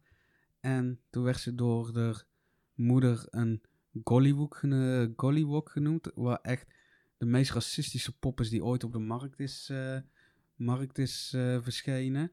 Die je ook wel vaak ziet in discussies over blackface eh, en zo. En toch, ondanks alles, heeft ze nooit een hekel gekregen aan alle mensen om zich heen. Heeft ze iets heel moois uit het leven kunnen halen. En van dat soort verhalen leer ik gewoon. En het geeft me ook inzicht. En daar heb ik mezelf als doel gesteld om van zo- zoveel mogelijk mensen uit verschillende, verschillende sociale omgevingen, verschillende landen wat dingen te leren. Ja. Dus dat geeft me heel erg veel. En natuurlijk muziek. Muziek, ja. Ehm, nee, wat ik wel mooi vind is dat je zegt: geef jezelf ook toestemming om echt even te ontsnappen. En kies daarvoor een manier die voor jou fijn voelt. En dat is echt heel belangrijk, want ook dat sluit weer aan bij het hele: ik moet productief zijn. Nee, je moet ook gewoon rust nemen. Het is super belangrijk dat je jezelf rust gunt, dat je jezelf tijd geeft om op te laden voordat je dat punt van uitputting bereikt. En daarbij hoort dus ook dat je af en toe echt wel even lekker mag ontsnappen aan alles. En Randy doet het graag via boeken. Ik doe het ook wel graag via boeken hoor. Uh, maar als ik echt wil ontsnappen, doe ik dat het liefst met kinderboeken. Dus ik heb uh, Lampje gelezen, die vind ik heel erg mooi. En Het Ministerie van Oplossingen, ook heel erg leuk. Dat is een serie. En echt, als je een leuk kinderboek zoekt, ga dat alsjeblieft lezen. Maar ik heb bijvoorbeeld onlangs ook um, het laatste wat ik nog wil zeggen over racisme gelezen van Dalila Hermans. Er zijn gewoon, uh, ik doe altijd een mix van um, ja, sociaal-maatschappelijke serieuze boeken, dus fictie en non-fictie eigenlijk. En um, maar denk vooral voor jezelf na over wat dat kan zijn. Want wat hij hier ook bijvoorbeeld doet, dan zet Randy muziek op, zegt hij, kom je met mij dansen? Dan gaan we een don dansje doen. Of we koken. Um, ik bestel uh, graag snacks. Vind ik heel leuk. En dan ga ik een snackbakje samenstellen voor mezelf. Um, we doen spelletjes. We bakken soms wel eens iets. Um, maar ook als je bijvoorbeeld zegt, ja, dit kost allemaal geld. Dat klopt, enigszins. Um, maar je kunt bijvoorbeeld ook, de Biep heeft nou allemaal gratis e-books online gezet. Volgens mij echt wel 150 titels of zo. Dus um, als je naar de site van de Biep gaat, dan kom je daar vanzelf terecht. En durf gewoon voor jezelf te onderzoeken wat dat is, waar jij echt blij van wordt, waar jij in ja, een beetje kan vluchten en jezelf een beetje kan opladen. En daarbij ontdek ook heel goed, voel heel goed wat jouw behoeftes zijn. Want het is, jij bent de enige persoon die jezelf in bescherming kan nemen. En um, ik merk bijvoorbeeld dat um, ik niet de hele dag nieuws tot me moet nemen, want dat is gewoon echt niet goed voor mij. Dus ik probeer ook bewust weg te blijven van dingen als nieuwsites en check die bijvoorbeeld maar één of twee keer per dag. Maar het kan ook zijn dat jij bijvoorbeeld familie hebt die jou constant van dingen op de hoogte houdt, terwijl je daar eigenlijk helemaal niet op zit te wachten. En je mag dan best gewoon, um, je moet dat eigenlijk ook gewoon doen. Je moet voor jezelf zorgen en je mag diegene dan gewoon echt wel een bericht sturen van ik waardeer het echt zo erg dat je me zo op de hoogte houdt, maar ik merk dat het even te veel voor me is. Dus zou je het even niet kunnen doen of niet willen doen? Dat soort dingen. Het is jouw eigen verantwoordelijkheid om goed voor jezelf te zorgen. En durf ook om hulp te vragen. En denk niet, een ander heeft het toch altijd erger. Of uh, het is niet erg genoeg. Of ja, die ander zit hier niet op te wachten, want die heeft ook shit aan zijn hoofd. Iedereen heeft shit aan zijn hoofd. Maar we moeten dit toch samen doen. Dus alsjeblieft, vraag om hulp en hou contact met die buitenwereld. En ga wel af en toe even, weet je wel, zorg dat je bijvoorbeeld even met iemand belt of met iemand video belt of wat dan ook. Blijf alsjeblieft in contact. Ja, dat, dat is ook wel een van de mooie dingen nou, uh, als je dan toch iets moois zou kunnen noemen aan heel, uh, heel de corona-gezeik, is dat voor een gedeelte ook wel heel veel mensen echt veel meer openstaan voor elkaar. Ja. Ik zit bijvoorbeeld in een Facebookgroep waar normaal gesproken alleen maar onzin besproken wordt. Dat is opgezet uh, door, door een paar kennissen van mij. zitten een paar honderd man in die we allemaal half kennen, half niet. En je merkt ook gewoon dat iedereen elkaar hulp aanbiedt en zegt van... Ja, ik kan me voorstellen dat het heel moeilijk is. Stuur me een berichtje als je er een keer over wil praten. Dus dan zit je in één keer te praten met mensen die je normaal gesproken eigenlijk nooit aan zou spreken. Waar je eigenlijk helemaal niks gemeen mee hebt. Behalve nou dit vervelende, vervelende corona, coronavirus. En je helpt elkaar gewoon door te praten. Je luistert naar elkaar. En dat is wel mooi. Ja, durf die hulp ook echt aan te nemen. Als of mensen de, er op die manier voor je willen en kunnen en, zijn. En als jij er op het moment, als jij erin staat van als jij die hulp niet nodig hebt, maar je kan hem wel geven, geef hem dan ook absoluut, vooral. Absoluut, Er zitten heel veel, heel veel mensen zijn erbij gebaat. Vooral wat Lisa er straks al zei, ik kan me niet voorstellen hoe het is om alleen, uh, nee. om alleen te zitten. Nou. Ja, kijk, er zijn een heleboel shit, dingen die we niet hebben genoemd. Verschillende situaties waar mensen nu in verkeren. Mensen die gewoon bijvoorbeeld psychische hulp nodig hebben, die, die niet kunnen krijgen. Er zijn zoveel voorbeelden te noemen van mensen die het nu echt heel zwaar hebben. Dus als je er voor anderen kunt zijn, wees er dan voor ze. Geef niet meer dan je te geven hebt, maar geef het wel. Juist. Ik ben trouwens ook, waar ik ook moet zeggen, wat voor mij soms wel positief helpt als een uitlaatklep. En dat heb ik eigenlijk al heel mijn leven gehad. En daarom ben, daarom ben ik ook in verschillende punkbands gaan spelen. Ook het rente wat Lisa en ik hier hebben gedaan. Ja, is bijna kan, therapeutisch. Kan bijna gewoon therape therapeutisch werken. En kijk, dit helpt me echt heel erg, want ik ben nou gewoon dit weer kwijt. Het lucht gigantisch op. spreek die dingen ook uit die je dwars zitten. Ja, maar check wel even bij degene bij wie je dat wil doen of diegene daar emotionele ruimte voor heeft. Dat is echt heel erg belangrijk. En Dus- anders praat gewoon tegen een muur. Ja, schrijf dat. het van je Schrijf af. het van je af in een boekje of zo. Het hoeft niet altijd tegen iemand anders te zijn. Maar wat, wat ik heel erg belangrijk vind, is, en dat doen wij ook altijd bij elkaar eigenlijk, Ren, dat je eerst even bij iemand checkt of diegene daar wel de emotionele capaciteit voor heeft op dat moment. Want ehm, ik krijg soms ook wel eens berichten in mijn inbox die echt heel erg heftig zijn. Waarbij ineens heel veel informatie bij mij neer wordt gelegd waar ik wellicht op dat moment helemaal niet mee om kan gaan. Dus weet je eigen grenzen en respecteer die, maar respecteer ook grenzen van andere mensen in dit geval. Juist. De enige manieren waar, eh, wanneer wij elkaars eh, eh, grenzen ja, wel respecteren, maar wa- waardoor, waardoor het vaak eh, eh, waardoor we vaak toch bij een ander binnenkomen, hoewel dat niet onze bedoeling is, is bijvoorbeeld wanneer mijn reflex is altijd gaan vloeken. en mijn volume van mijn vloek is altijd vrij heftig. Dus dan sta ik in de keuken, godverdomme toch wel. En eh, ja, en dan ga je toch aan elkaar vragen van, er? wat is er? En Lisa heeft een heel expressief gezicht. En die hoor ik dan in één keer eh, doen. En soms heb ik daar ook geen behoefte aan, maar dan ga ik er echt niet laten zitten, want ik, dan weet ik dat, er iets is. Maar over het algemeen heeft, heeft. Lisa het erover als ik weer iets heb gelezen, een column of zo, eh, die fucking problematisch gedrag eh, blootlegt, dan zeg ik van, hé hey, Lies, Mag ik heb ik iets even, gelezen, ja? mag ik even? En dan is het of ja of nee. En, Ja, maar dat is gewoon een gezonde manier van met elkaar communiceren. Of geef elkaar ook een trigger warning. Ja, dat, is ook super belangrijk. ook Absoluut. Daarom zei ik aan het begin van deze aflevering ook waar we het over gaan hebben en dat het wel heftig is. Want ik vind het heel erg belangrijk dat je van tevoren kunt bepalen of je hier nu wel of niet mee om kan gaan. Ja, en vergis je trouwens ook niet. We klonken allemaal, of alle twee, best wel gefrustreerd en best wel boos.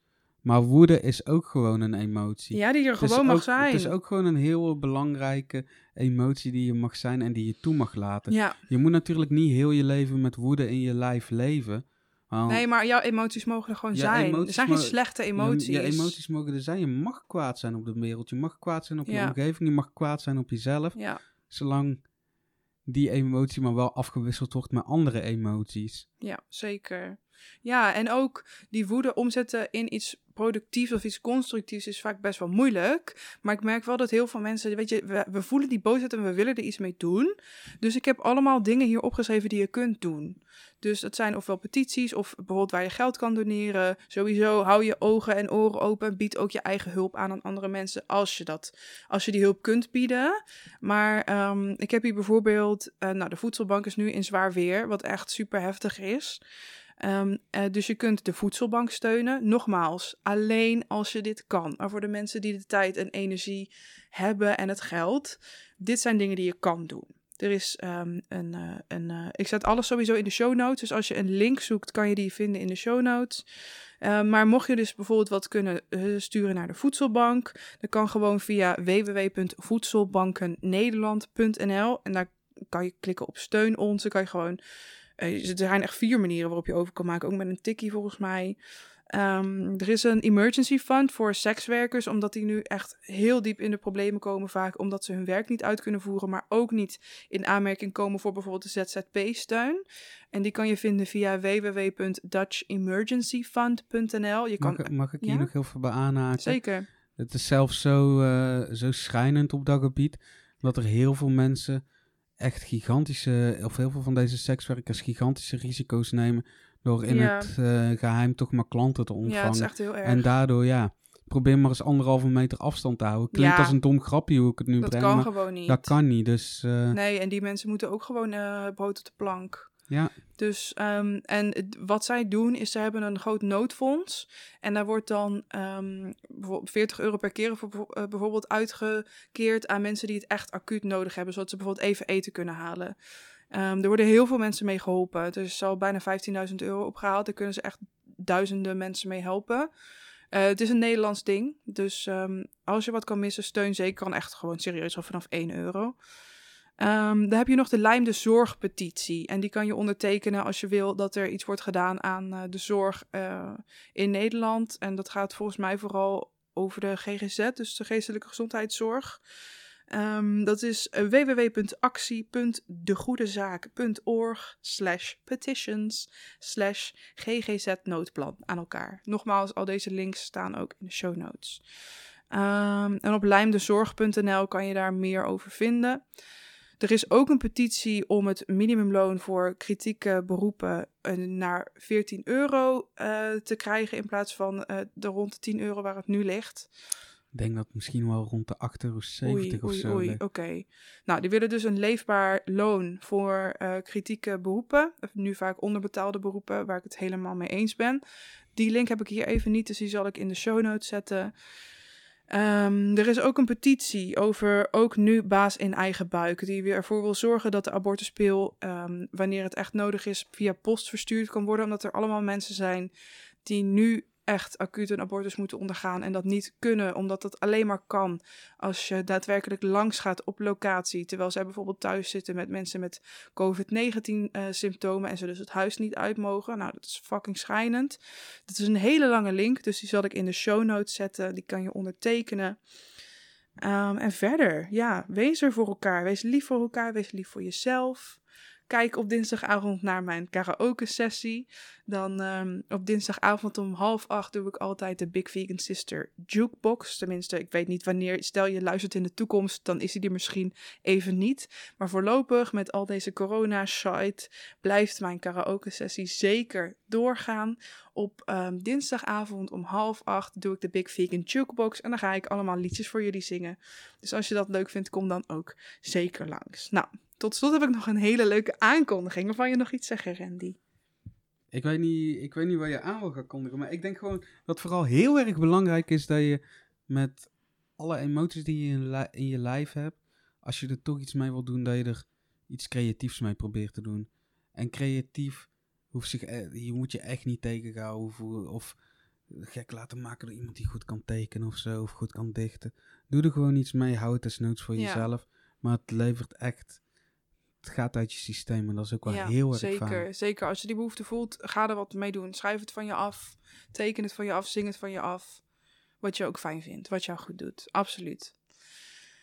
Oké, nou, nu komt de aankondiging. Want nou, jullie hebben nu kennis kunnen maken met Randy, mijn eh, bebaarde metgezel. en ehm, Randy die gaat vanaf nu columns schrijven voor Big Vegan Sister. Die komen op de website te staan. Ik denk, Onder de...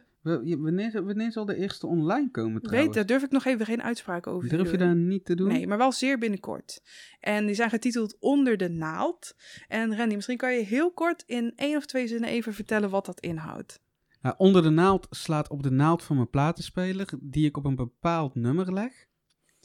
En over dat nummer ga ik iets schrijven uit eh, persoonlijke ervaringen. En ik ga de tekst een beetje proberen te ontleden. En nou, bijvoorbeeld problemen in de, maatschap, eh, in de maatschappij toe, eh, toeschrijven of zo. Ja. Dus ik ga gewoon leuke stukjes Ja. over leuke nummers schrijven die veel voor mij betekenen. Ja, en dat varieert van sociaal-maatschappelijke shit aankaarten tot persoonlijke dingen delen, tot een hart onder de riem steken. En het gaat van pop tot country, tot punk, tot hardcore. Het gaat alle kanten op. Ja, ja, hardcore punk, denk ik. ja dus ja, niet happy hardcore of zo. Nee, nee, nee, nee. nee, Oké, nou, maar dat staat er, zit er dus aan te komen. De eerste column daarvan zal ook over corona gaan. Maar wees niet bang. We gaan het verder niet te veel nog over corona hebben. Dit was eh, de grote corona-show.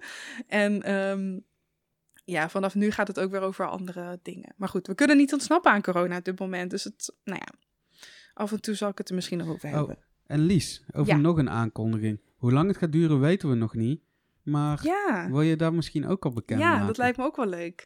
Randy en ik gaan waarschijnlijk ook nog. Nee, niet waarschijnlijk. Wij gaan samen een podcast beginnen. Ik ga de naam en alles nog niet verklappen. We hebben het idee. We hebben de eerste gasten al uitgenodigd. Maar ja, dat, dat heeft nu Dus een zal klein beetje vertraging. wachten. Maar ehm, ook onze podcast komt er nog aan. En die staat los van Big Vegan Sister. Maar eh, het leek ons wel heel erg leuk om er ook samen in te beginnen. Dus dat gaan we doen. Nou, lieve, lieve, lieve mensen, dank je wel voor het luisteren. Ik hoop dat deze aflevering jou heeft geholpen, nieuwe inzichten heeft geboden, misschien een hart onder de riem heeft gestoken. En alsjeblieft, zorg zo goed mogelijk voor jezelf. Zorg goed voor elkaar. Hou rekening met elkaar. Oordeel niet te snel. Wees een beetje lief voor elkaar en voor jezelf. En ik duim gewoon keihard met, eh, dat we met z'n allen deze periode goed doorkomen. En ik denk aan jullie en ik denk aan alle mensen die nu in een moeilijke situatie zitten. Mijn hart is bij jullie. Nou, vond je dit een goede aflevering? Dan hoor ik dat heel graag van je. Het zou tof zijn als je dan een screenshot maakt of misschien luister je vanuit Spotify, je de aflevering direct in je stories deelt, mij erbij tagt, dan zie ik dat je het hebt gedeeld en even erbij zet wat je er tof aan vond, wat je er leuk aan vond. Dit helpt mij heel erg uh, bij het bereik en het zorgt ervoor dat andere mensen mijn podcast weer makkelijker kunnen vinden. Nou, het maken van een podcast kost behoorlijk veel tijd en geld. Daarom heb ik dus mijn Petje.af account ook vooral eigenlijk, zodat ik mijn podcast inclusiever kan maken. Denk je, nou, ik kan wel 3 euro in de maand missen of een eenmalig bedrag van, mag je helemaal zelf bepalen hoe hoog, dan kan je me steunen. Dat kan via www.petje.af slash bigvegansister. En als je maandelijks doneert, dan krijg je ook nog leuke bonuscontent. Nou, lieve mensen, dankjewel voor het luisteren. Wil je me vinden op het internet? Dat kan je vinden via @bigvegansister op Instagram of via bigvegansister.com. Abonneer je vooral als je dit leuk vond. Luister een van de andere afleveringen. En dan zie ik jou heel graag, of nou ja, hoor ik jou heel graag terug bij de volgende aflevering die nu echt zal gaan over lichaamsbeeld en eetproblematiek. Doei lieve mensen.